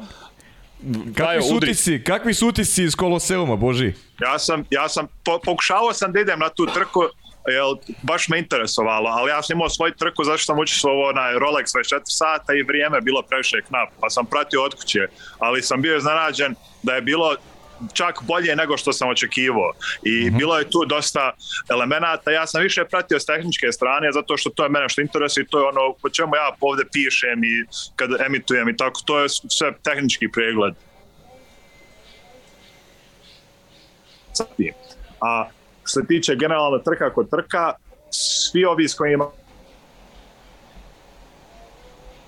se dešavalo zato što bilo je toliko gledalca ili inače za ovake trke što oko ovaj Clash tu ne bude baš velika publika zašto svi su ono navikli su ono to je kao priprema pred sezonu ali ovde zato što su stavili Los Angeles i zato što su doveli ovaj, i glumaca i sportskih figura i tako to odmah to već ono uzdiglo i ono, razgovaralo se o tome ali kad staviš nešto u centar grada, isto i to pomogne. Tako, koliko sam ja čuo po brojkama, malo više od 50.000 gledalca je bilo tu uživo. I bilo je onaj, dosta glumaca, pjevača, NFL igrača, NBA igrača, mislim, to je baš, baš velike veze napravilo za sport. A što se tiče trkanja kod trkanje, meni je bilo interesantno i baš danas sam na Twitteru nekako ono, a, razmišljao i, i tweetovo kako je interesantno što je trka kraća, zato što uh mhm. -huh. novi gledalci odmah ih privuče, zato što imaju, mogu da prate, nije nešto što satima traje, pa sad hoće li biti interesovani ili neće i mislim da je to dosta pomoglo što smo vidjeli ovde. Boži, nešto me zanima, ja kao navio Joe Logana, da. ovaj, drago mi je što je pobedio, a opet s druge strane me zanima taj tvoj neki, neki pogled, da li, da li će Ford biti bolji narednih godina, jer je bilo primetno da kaskaju za Chevroletom i za Toyotom prethodnih sezona, posao si da, da. neku sliku i ajde sad malo nam pojasni da li ima, da li ima šanse da se Ford u nekom kontinuiranom trkanju da možda parira, da parira Toyota i Chevroletu, jer očigledno da to Ford nije mogao tokom prethodne dve godine sada mislim da je Chevrolet prošle godine bio najjači. To je zato što mhm. -huh. a, nekoliko proizvođača motora za Chevrolet su se povezali i zajednički su radili da naprave bolji motor. E sad, kako je novo auto, sada je najveća stvar bila aerodinamične onaj, kombinacije kako će to biti i NASCAR je pokušao da izjednači ali su skontali da nisu opet bili jednaki i baš prije 3-4 dana NASCAR je rekao da Fordovi imaju previše drag, znači previše zrak vuku i skontali su da taj zrak najviše kači se na prednjim ivicama. I mislim ja sam poslao sam skicu a, gdje ima ta ivica pred točak što je znači ko prednji branik ima ta mala ivica i to je kako zrak teče s kraj strane auta i to su skontali da a, Ford na toj ivici, je tu gdje je ta crvena stolca, uh -huh. na mhm. toj ivici je kačilo onaj više nego na Chevroletu i na Toyoti i sad su im dozvolili da poravnaju to. I sad baš sam pričao sa ovim fabrikatorima i a, kažu da rade sad na tome i za Daytonu to će biti dio toga poravnat, da pokušaju da, da dadnu malo bolje, viši plov zraka tu sa strane Forda, kao da ih više izjednače. Ali generalno što mislim je da nema niko baš sada je bolji od nekog drugog posebno, jer ovo je novo auto i još ono, štiće aerodinamike i zraka i oblika, mislim, iako je to bilo satima i satima u, u tunelu i mjereno i to sve, dok oni ne budu više trka imali, nećemo tač, znati tačno ko je najjači ili ko nije. Mhm. -huh. Ok. E, kako ti, kako ti vidiš eto te, ta, ta, te sve promene koje, koje nas čekaju, koje nas očekuju u Naskaru, da, da li misli da će se malo promeniti situacija vezano za za, za, za, za tu priču generalno oko ajde da kažem pozicioniranje timova.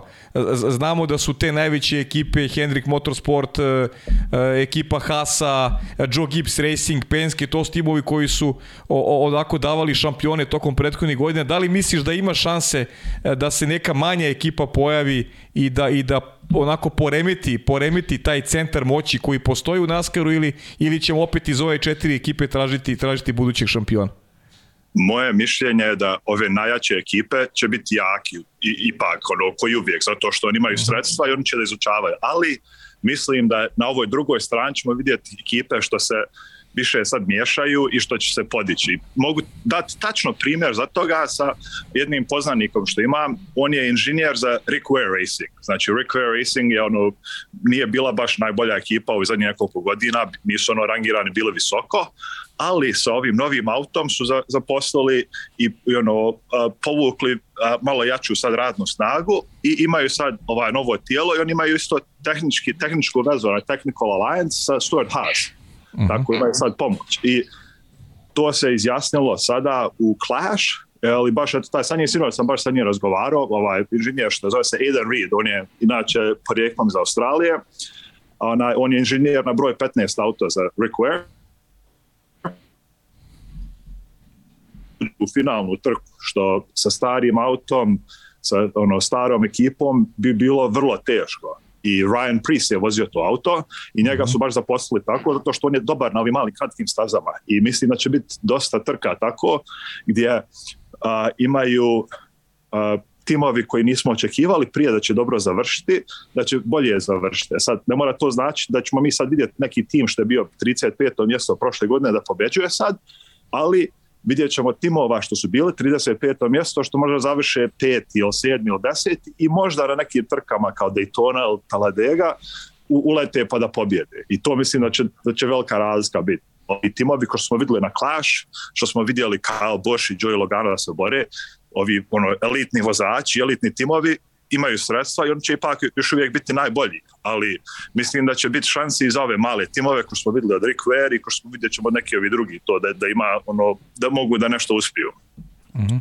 aj, aj za kraj od mene još jedno pitanje, samo da nam ukratko postiš za sve gledalce koji prate NASCAR razlike između prošle ove sezone, u čemu se ogleda ta, ta, ta, ta, ta nova, ajde da kažem, pravila, pravila tačnije automobili nove generacije i da li ima nekih e, novih, da kažem, nekih tehničkih detalja, nekih novih pravila koje, na koje gledalci treba da obrate pažnju u odnosu na, na prošlu sezonu? Pa, bit će dosta tu. Evo, bukvalno sad, dok sam sad povezivo, dobio sam od Naskara e-mail da su nova pravila izbacili za Daytonu za sljedeću sedmicu. Znači, ima ovako 10 dodataka su dodali na pravilnik prije neki 15 minuta i to ću baš sada da gledam. Ali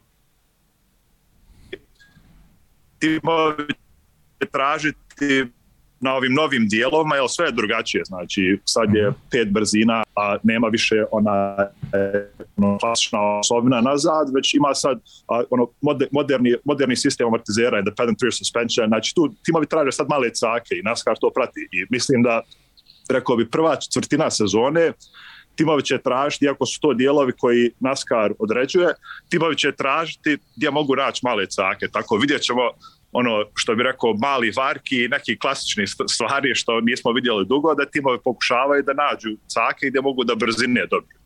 I mislim da će biti vrlo, vrlo interesantno, rekao bi sad, ono prvi možda desetak ili 15 trka sezone, zato što će biti svakakih stvari što probavaju.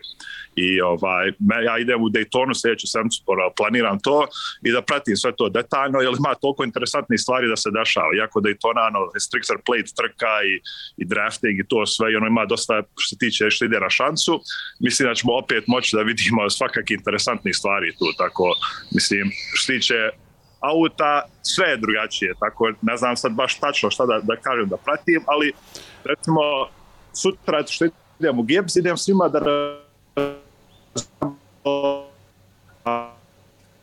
rade pit stop, znači ako zapratite a, probne pit stopove Joe Gibbs Racing što su stavili nedavno, a promijenili su a, kako se mijenjaju sa njihovim treba razgovara, jer interesom je baš zašto su to promijenili. Prije su imali ovaj što mijenja prednju gumu trči ispred auta, ovaj što mijenja zadnju gumu trči iza auta. Sada trče zajedno ispred auta, okolo, zato što ima ovaj novi točak sa, sa jednim šarafom, sa jednom maticom i onda okolo zajedno trče na drugu stranu. I baš to, takve stvari će me interesovati mm -hmm. kakve će cake naći zbog tih novih dijelova. Ništa, Boži, moramo jedan specijal da napravimo, posvećen Naskaru, definitivno.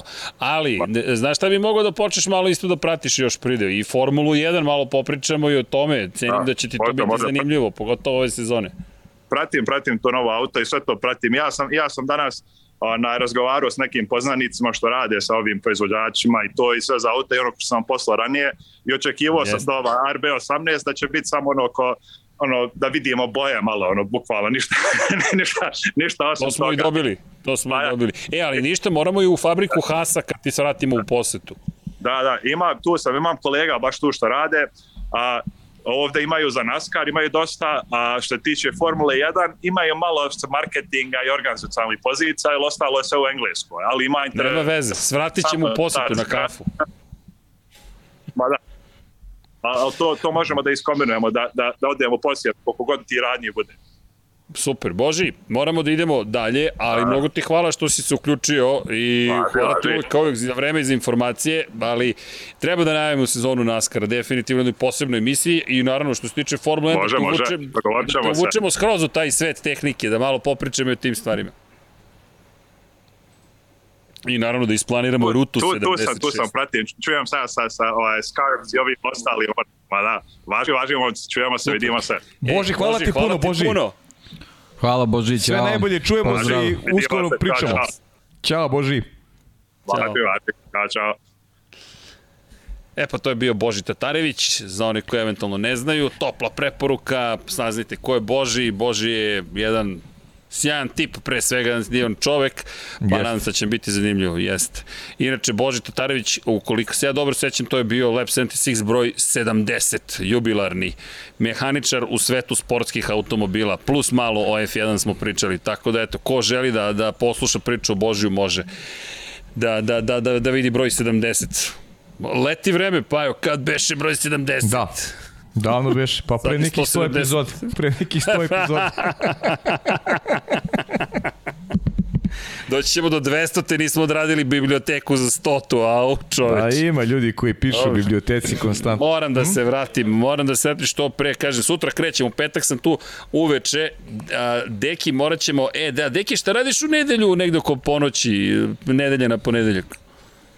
Slavim. Slušaj, čak, smo dobili, čak sam dobio jedan poziv ovaj, koji važi za sve Dobro. nas iz Splita, neki restoran koji je savi u sjeninim zastavama i kaže ako budete Stvarno? hteli da radite ovaj, A, pa ne, moramo da, moramo da odemo. iz volim restorane u dođite, Splitu, da, da. dođite, dođite, tako da eto imamo i odande poziv za, za biblioteku. A vidi, prezentacija knjige, ja mislim da je to idealan moment, Deki, šta ti misliš? Ja idem sledećeg utorka u jednu biblioteku, srđana sam već najavio, da, da, da, da, da, da, ali da. misleću na vas. Do, hvala ti. E, meni to Hvala ti, znači. e, to je to, to da, znači. najmanje što možeš da uradiš za nas.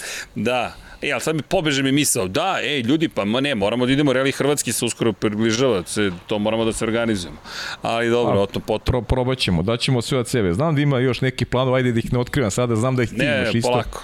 E, imam, Danas sam imam, imam. saznao, danas sam saznao, ali ajde da ih ne delim sad ovde javno, ali ajde mi da mi pričamo o, o ono o čemu smo se okupili.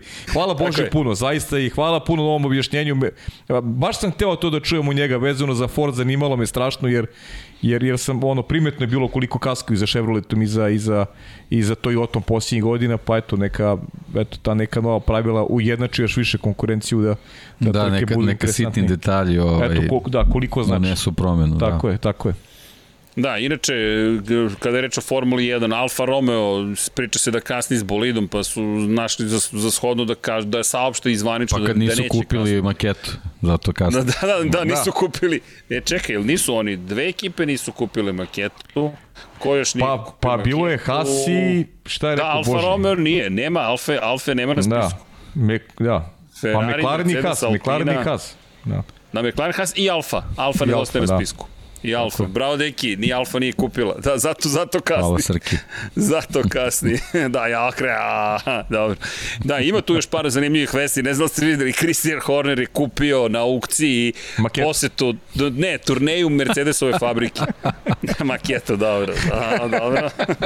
Naleteo sam, dobro. Evo imamo Vidim da je raspoloženje. Evo mi imamo Ferrari. I mi imamo Ferrari u maketu. Šta?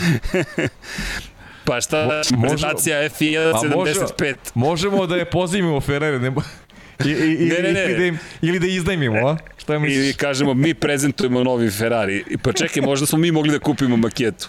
Pa, Lab smo 76, Pa, da. nova ekipa u Formuli 1. A, deki...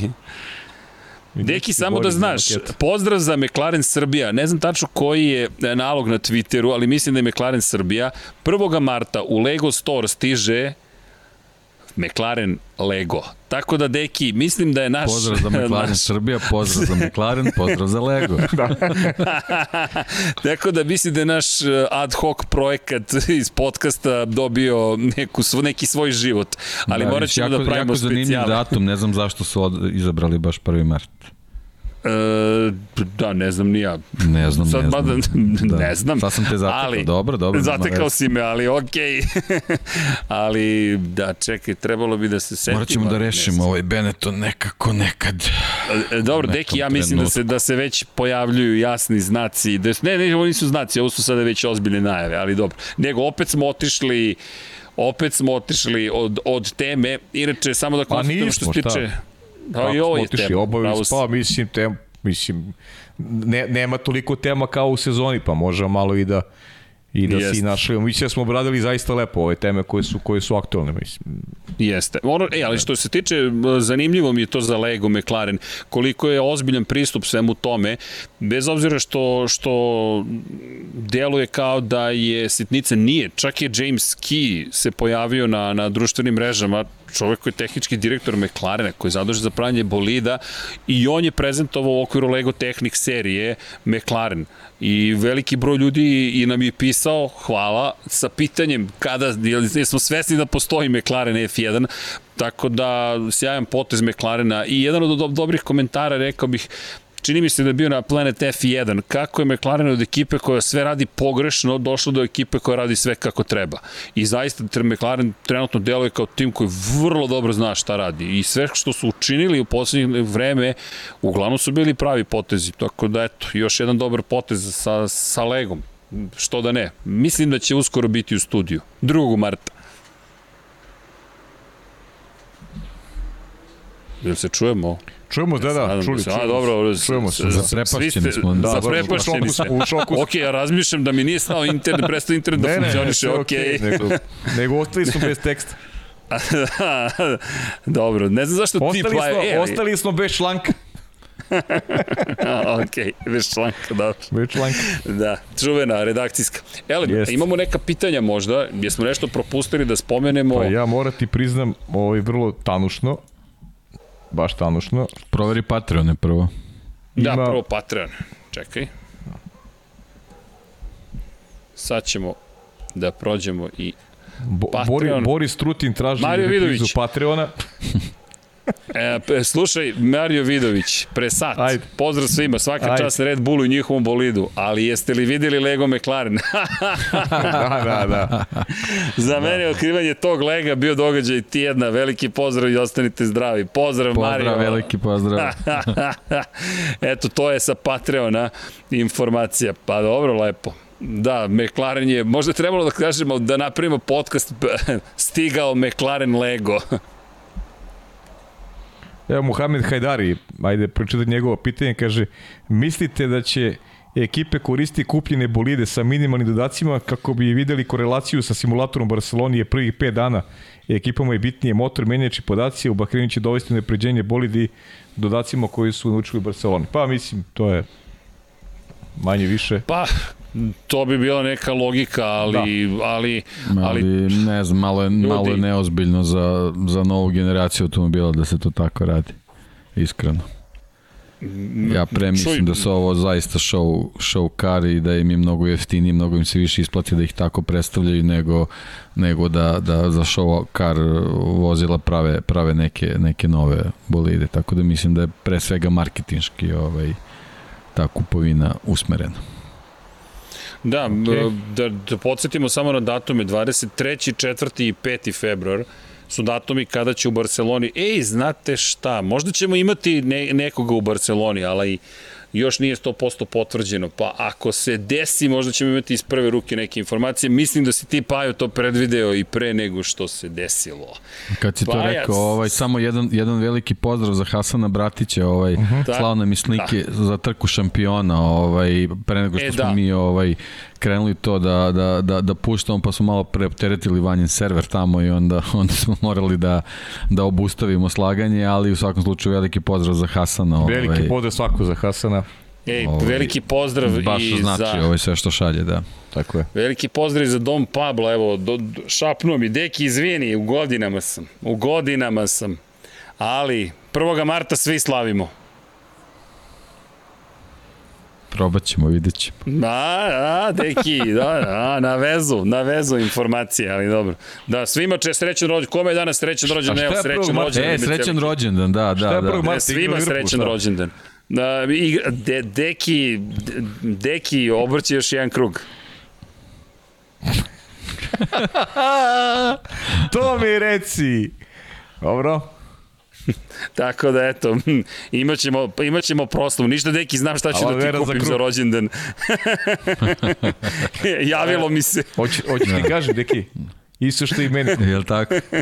Ja, ja, pa, a da, čekaj da otvorim vaše poklone. Mada Deki je kupio mač, samo da se zna. Deki je kupio Šalim se, katanu. mač, šalim se, Srki. Katanu, katanu. E, tako, tako. Ne, ne, katanu, mač, katanu. čoveče, da, mač, da. ne, izvinjam se, izvinjam se, da. Deki je krenuo da ustaje iz znaš kako je, školice. gde su mladi tu i šala, znaš. To, to. Naravno.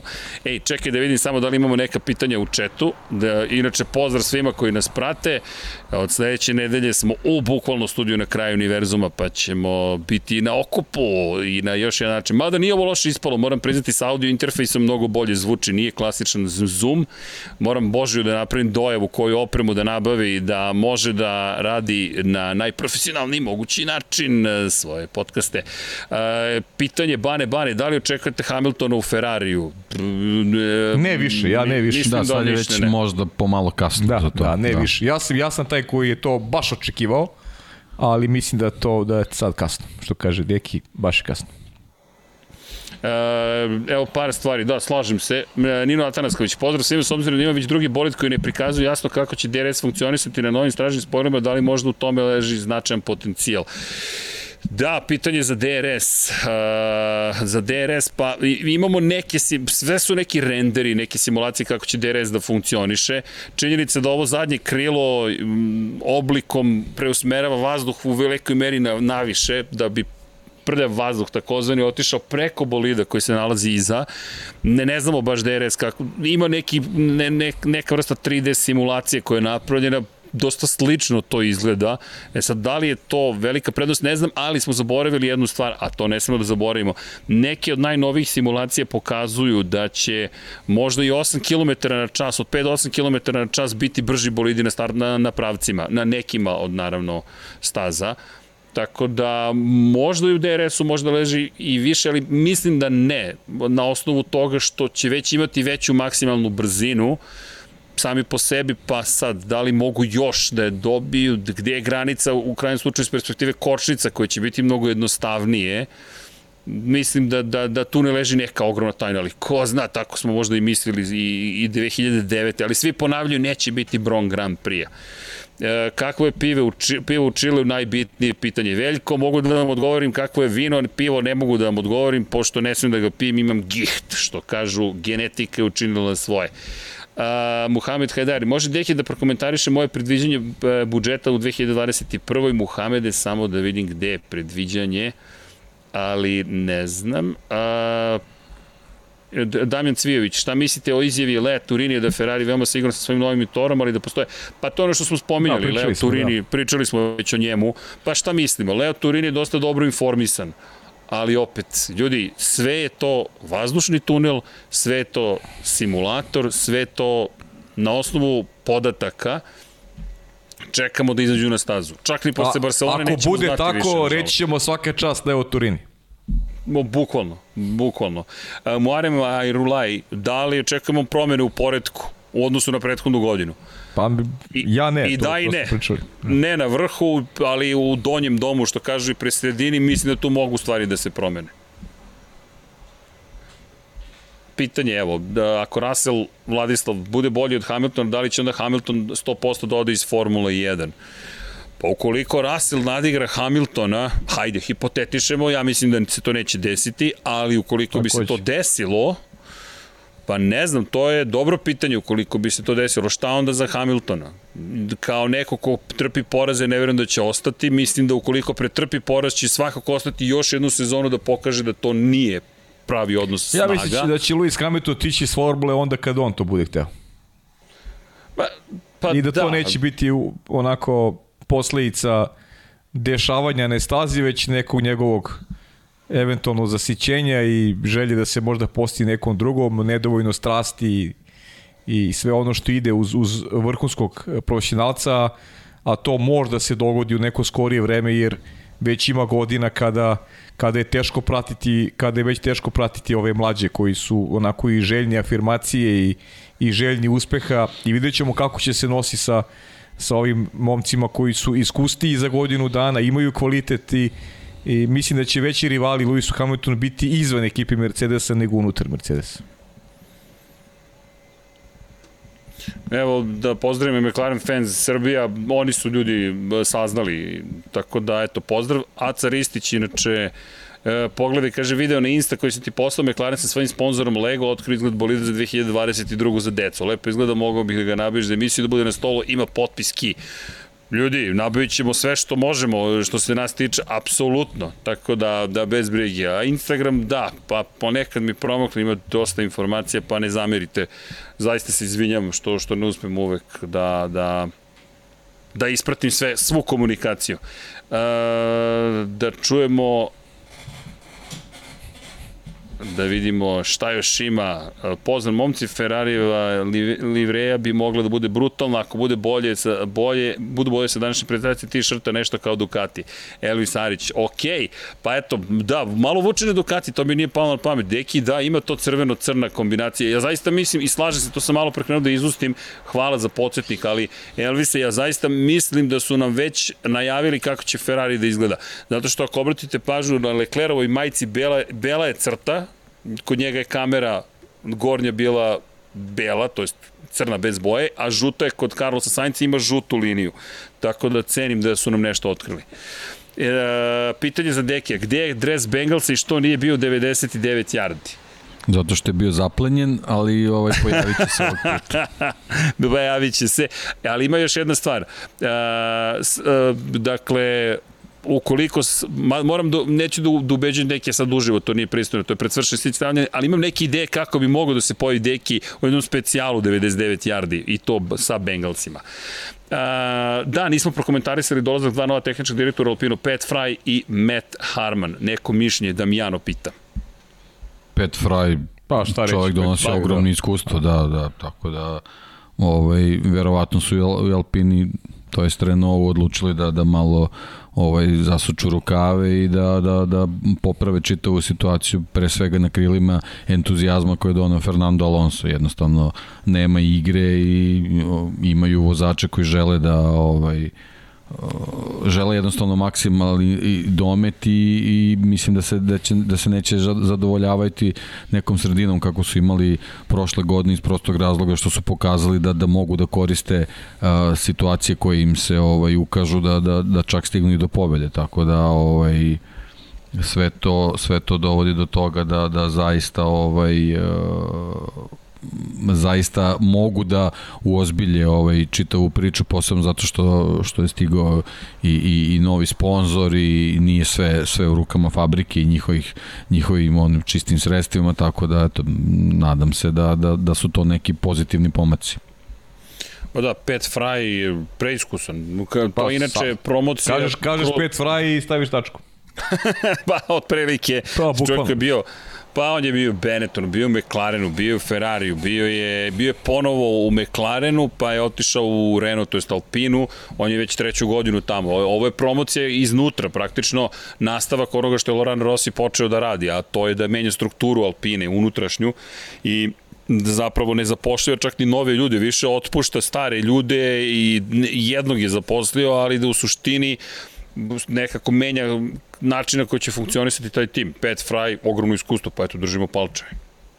Ali da, to je bilo prošle nedelje zapravo kada smo završili prethodni podcast, ta informacija koja se pojavila, on je biće tehnički direktor Pat Fry, što nije mala stvar, naprotiv, on će biti taj koji će zapravo promovisati koji će zapravo voditi praktično celu priču, što je vrlo, vrlo ozbiljna pozicija i posle odlaska Butkovskog, eto, neke nove promene. Tehnički, zapravo, chief technical officer nije tehnički direktor, to je C-level, to je najviši nivo tehničkog odeljenja koje postoji u kompaniji, a zvanično tehnički direktor će zapravo biti Matt Harman koji takođe dobio unapređenje. Ali hvala za pitanje, hvala za podsjetnik. To smo, da, zaboravili, a to ne smemo da zaboravimo. E, Kaže Nusmir Veladžić, Bela, Bela i žuta boja na majicama su vezane uz boju zastave Monaka i Španjolski. Hvala Nusmire, nisam znao. Tako da eto, ja sam pretpostavio da bi to moglo da bude veza, ali nije. Uh, Belmin Žuljko, meni Alpina radi vrhunski posao, možda najbolji posao svih sa sredine grida. Vidjet ćemo, meni otpuštanja Alana prosta tu malo... Da, Troops of Sunshine, mislim da Bela i žuta linija na majici predstavljaju zastave Monaka, odnosno Španije. Hvala. I još jedna korekcija. Ognjen Radi Vojević, nisi mi pročitao pitanje Srki. Ognjene... Srki, da li misliš da je F1 ušao u novu eru, da će biti spektakularno pitanje za Paju kako komentariša ostavku Marka Vicevića na mesto trenera? Pajo, ćeš ti? Marko Vičević, Mirko Vičević u stvari. Pa još nema zvanično tako da, da ne bih da komentarišem, i cela da, priča da, nije, nije, nije, nije, nije, nije za komentar. Mislim, Dobro. stvarno je onako Ja sam u Južnoj Americi. Za, ne znam reakciju, šta se za, za reakciju sa, sa nekih drugih strana, ali ajde, kada, ako se to dogodi, ja opet ja imam neke druge informacije umeđu vremenu, pa vidjet ćemo šta, šta će se dogoditi. Za sada ja nemam informaciju da je to zvanično. E da, Empa ima sjajno pitanje. Kako komentarišete izjavu Pereza da će se boriti za titulu prvaka sveta u 2022. Dodao bih na to i da je i to što je rekao da može da pobedi Maxa Verstappena. A mislim da smo to komentarisali prošle nedelje. Da, Jesmo komentarisali? Da ti kaže nešto, e, to su, to su sve trkači. E, da li će neko reći ovaj ne ja neću se trkam ja idem ovaj da ne, neću da, budem, da se borim za pobedu ja idem da budem ovaj u senci svog timskog kolege a opet pa s druge strane opet s druge strane mislim da se ima jasno Ovaj, pa vidi, jedino ko pobedi u prvih pet je... trka i pa, u potpunosti mislim, promeni stanje stvari. Ali pa to je ljudi... je, eto, je tu toj situaciji, ali mislim da je to ne mogu, ajde da pričamo realno, ovaj, da li, da li uopšte Čeko Perez ima kvalitet da pobeđuje Max Verstappen, ovaj, ja mislim da nema, da, da jednostavno nije, nije vozač koji može u kontinuitetu da pravi rezultate. Mislim da je to neka slična priča Valterija Bottasa i zbog toga i jesu drugi vozači. Znaš, redki su ti, ti momci koji imaju taj šampionski nerv. Zato i ostaju upisani na anale ovog sporta i zato se posebno vrednuju, a Max definitivno ima to. Mislim da, da, da, da, da Čeko ne može to to da Ima ovde komentar, kaže, recite Botas. Ne, reći, reći, će, Botas, reći će Botas reći će i pa ja ga u tom šta? trenutku izgovorio. da.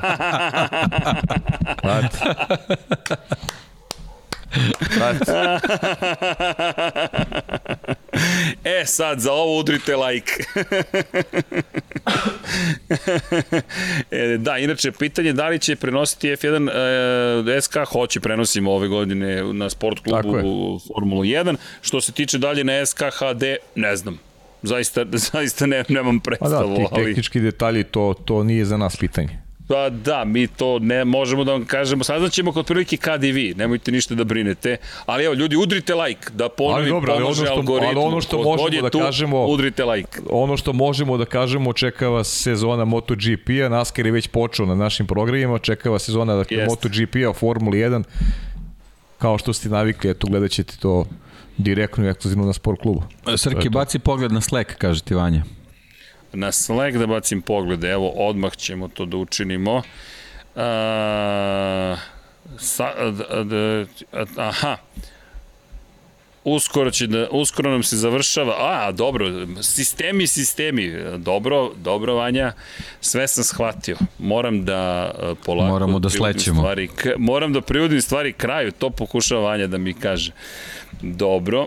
A, pa dobro, mislim to je ono Podruži se ti još malo sa, sa, sa bratom da. tamo i... Pa Čekaj, Vanja, nelje družimo ovde. Ma imamo rešenje, stani sekund. E, ima ovde još nekih pitanja, sad ćemo mi to da organizujemo, daj mi sekund. A možda se isključim na, na sekund. Na... Dakle, Evo ovako, možda ćemo morati nešto ovde sa mojom vezom pokušamo da sredimo, ali tu sam. E, kaže, gde je bolje meso, u Srbiji ili u Čileu? Pa zavisi koje meso želite, ali teletinu bih vam ovde preporučio, neke jagnjetinu bih vam preporučio u Srbiji. Inače, ovde su me vodili pre par godina na specijalitet koji nikad nisam probao na jagnjetinu.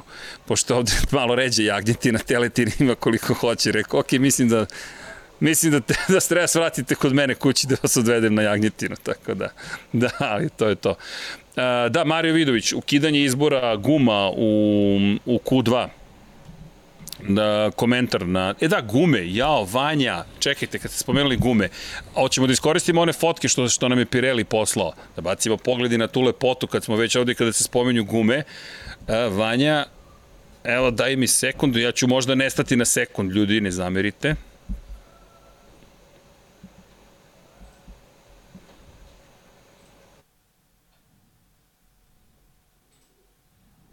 Nestade Srki na sekundu. Pa dobro, i to je to za gume i to je da. odluka koja datira tamo još pričali smo o tome još pri kraj sezone, to je, to je nešto što je bilo poznato i pa ne znam, to je neka, neka odluka koja pomaže ovim manjim timovima. Jer imaju više opcija da se da se boljih opcija tači da se eventualno bore u trci Jeste, s ovim Ja se samo plašim da ne bude kao svake godine naš neka prevelika očekivanja tih novih pravila između osnovnih vezanih za gume, svi očekujemo pravo, da. da će biti nešto mnogo, mnogo zanimljivo, da će se praviti neke velike razlike, će na kraju samo da ne dođemo do tu situaciju da, da, da, da malte ne ti bude sve jedno na, na, da. na, na kojem... A na kojoj si smesi. Ali priznaćeš, na, da, na, na da. prvo slušanje deluje onako Delo, da, apsolutno, apsolutno da, i, i tako i mi trebamo da. da se postavimo. Jednostavno da, da, da se nadamo da će, da će upravo to gume u, u nekim trenucima moći da, da, da donesu prednost uh, manjim ekipama, da će oni, oni uh, ozbiljni koji se bore za titulu stvarno morati da, da u nekim trenucima lupaju glavu da bi došli do prave kombinacije, da će u nekom trenutku neke sitnice odlučivati, ali eto, to su sad ta neka naša očekivanja, vidjet ćemo šta će nam donese realnost. Tako da, eto, to je to je što se toga tiče i zaista ovaj nezahvalno da sad uđemo ulazimo u neke analize tih pneumatika stvarno nemamo nemamo nikakve ni, ni, ni podatke ni, ni, ni bilo šta videli smo o, da, da, da, da su se dobro pokazali u Formuli 2, da, da, eto, da su tu bile neke zanimljive trke, ali generalno zanimljive trke su u Formuli 2 bile, bile i ranije kad su se, kad su se uvele ovaj, različite smese bez obzira, bez obzira na profil guma, tako da nije to, nije to neko merilo, ali ovaj, eto, ostaje nam samo nada da, da će ta neka nova, nova njihova konstrukcija doprineti nekim zanimljivim trkama. E, Josipe, izvini, molim ti, Josip Kovačić, veliki pozdrav e, tebi, e, pozdrav za Irsku i postavio si pitanje, da, naravno da je moguće, kad god si ovde, ako ima želju da, da ovaj, prisustuješ snimanju emisije, javi se i nikakav problem nije. Izvini što ti nisam odgovorio, jednostavno, da li sam zaboravio, nisam video, molim to prosti, ali kad god budeš ovaj, bio u prilici, javi se i to ćemo da organizujemo bez problema. Boris inače pita da li bi ove nove gume trebali da bacuju više vode sa staze i pozdrav svima iz Irske, kaže. Pozdrav još jednom Josipa za tebe. Pa konstrukcija da, konstrukcija to to i prikazuje, ali videćemo videćemo ovaj na delu kad kad dođu kako će to izgleda, ali, ali stvarno mi deluje da da da da će ovaj posebno te kišne gume praviti neki, neki bolji grip, je sad ovaj, već su se vozači na nove stare žalili ovaj, vezano za vidljivost, pa vidjet ćemo šta može da, da, da se sve izdešava uh mhm. -huh. ovaj, u novoj sezoni gde ja pre svega želim da nemamo te, te trke koji će biti po nekim potopima ovaj, da nemamo one glupe situacije kao što smo imali u Belgiji i slično, nego da jednostavno dobijemo, dobijemo trke, a da elementi između osloga i gume nam omoguće da, da, da imamo trke. Tako da to je ono što, što je meni najvažnije. Ok. Vanja, šta nam je sa Srkim? E, tu sam, tu, tu sam. Dobro. Kaže, Elvis, jel me čujete? Čujemo, čujemo, Kako da, da ne, okay, super, kako da to. Kaže, šta mislite, Elvis, kaže, da li, ali jednostavno Sarić, da, Šarić, da li je Alonso ispred svog vremena, velik, na velikoj nagradi Nemačke 2010. tim radio je, prema masi bio Alonso faster than you, tad je to bio skandal, a danas je to normalno. Pa nije, nije ispred vremena, to je, Ferrari je to doveo do vrhunca sa Schumacherom i njegovim klubskim kolegama, znalo se prosto ko je vozač broj 1 i šta treba da se učini, sve je bilo podređeno njemu, a tom porukom Ferrari je zapravo pokušavao da izbegne kaznu, jer tada je bilo zabranjeno da ekipa može da odredi ponašanje svog drugog vozača odnosu na prvog, to je da nekako utiče na trku ostalih. I onda kada su shvatili da je to prosto, prosto, prosto nemoguće sprovesti u delo i da je to besmisleno, da vi možete da komunicirate svom vozaču da nešto uradi nekim tajnim signalom, došli su do toga da je bolje uvesti u pravilnik da je eksplicitno dozvoljeno da postoje timske naredbe, i zato danas ni nema skandala. Jednostavno, deo pravilnika kaže da nisu zabranjene timske naredbe. Da možete vi da odredite svom vozaču da li će da se skloni drugom vozaču te ekipe. Tako da zato da, nema da. skandala. Postalo je, zapravo ono što se i dešavalo je samo pretvoreno u to jest ukinute pa, kazne za nešto do, dozvo, što se dozvoljeno je dozvoljeno je pravilnikom u suštini jer pa da ne moraju pa da, više jedno... da idu izokola da pa da, da, se igraju, nego, da se igraju žmurki nego mogu otvoreno da kažu ko je prvi, Već ko drugi. Već je skandal kako je masa od čoveka koji je trebalo da vodi taj Ferrari u svetlu budućnost posle povrede pogotovo došao do toga da je zapravo vozač broj 2.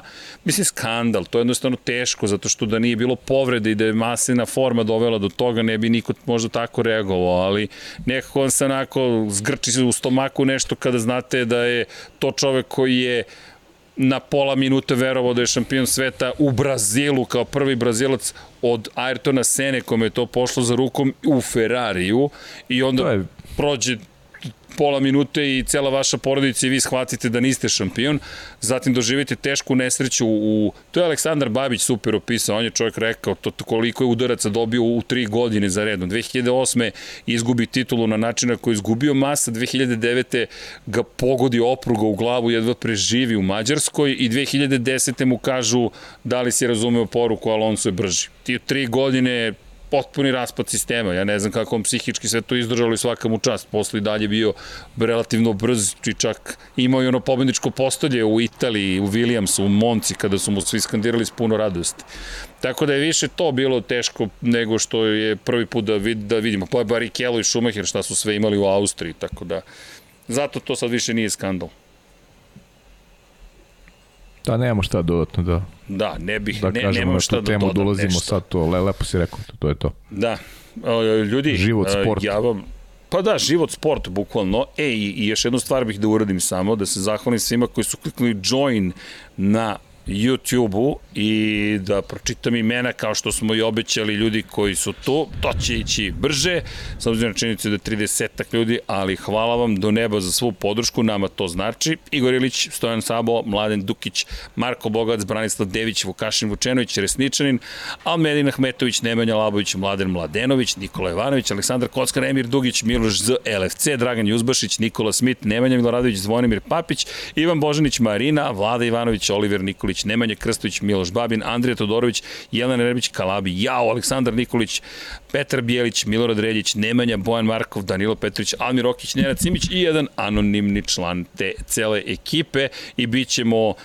još vredniji u periodu koji je pred nama, eto, mene stižem iz Južne Amerike, vraćam mamu i tatu kući.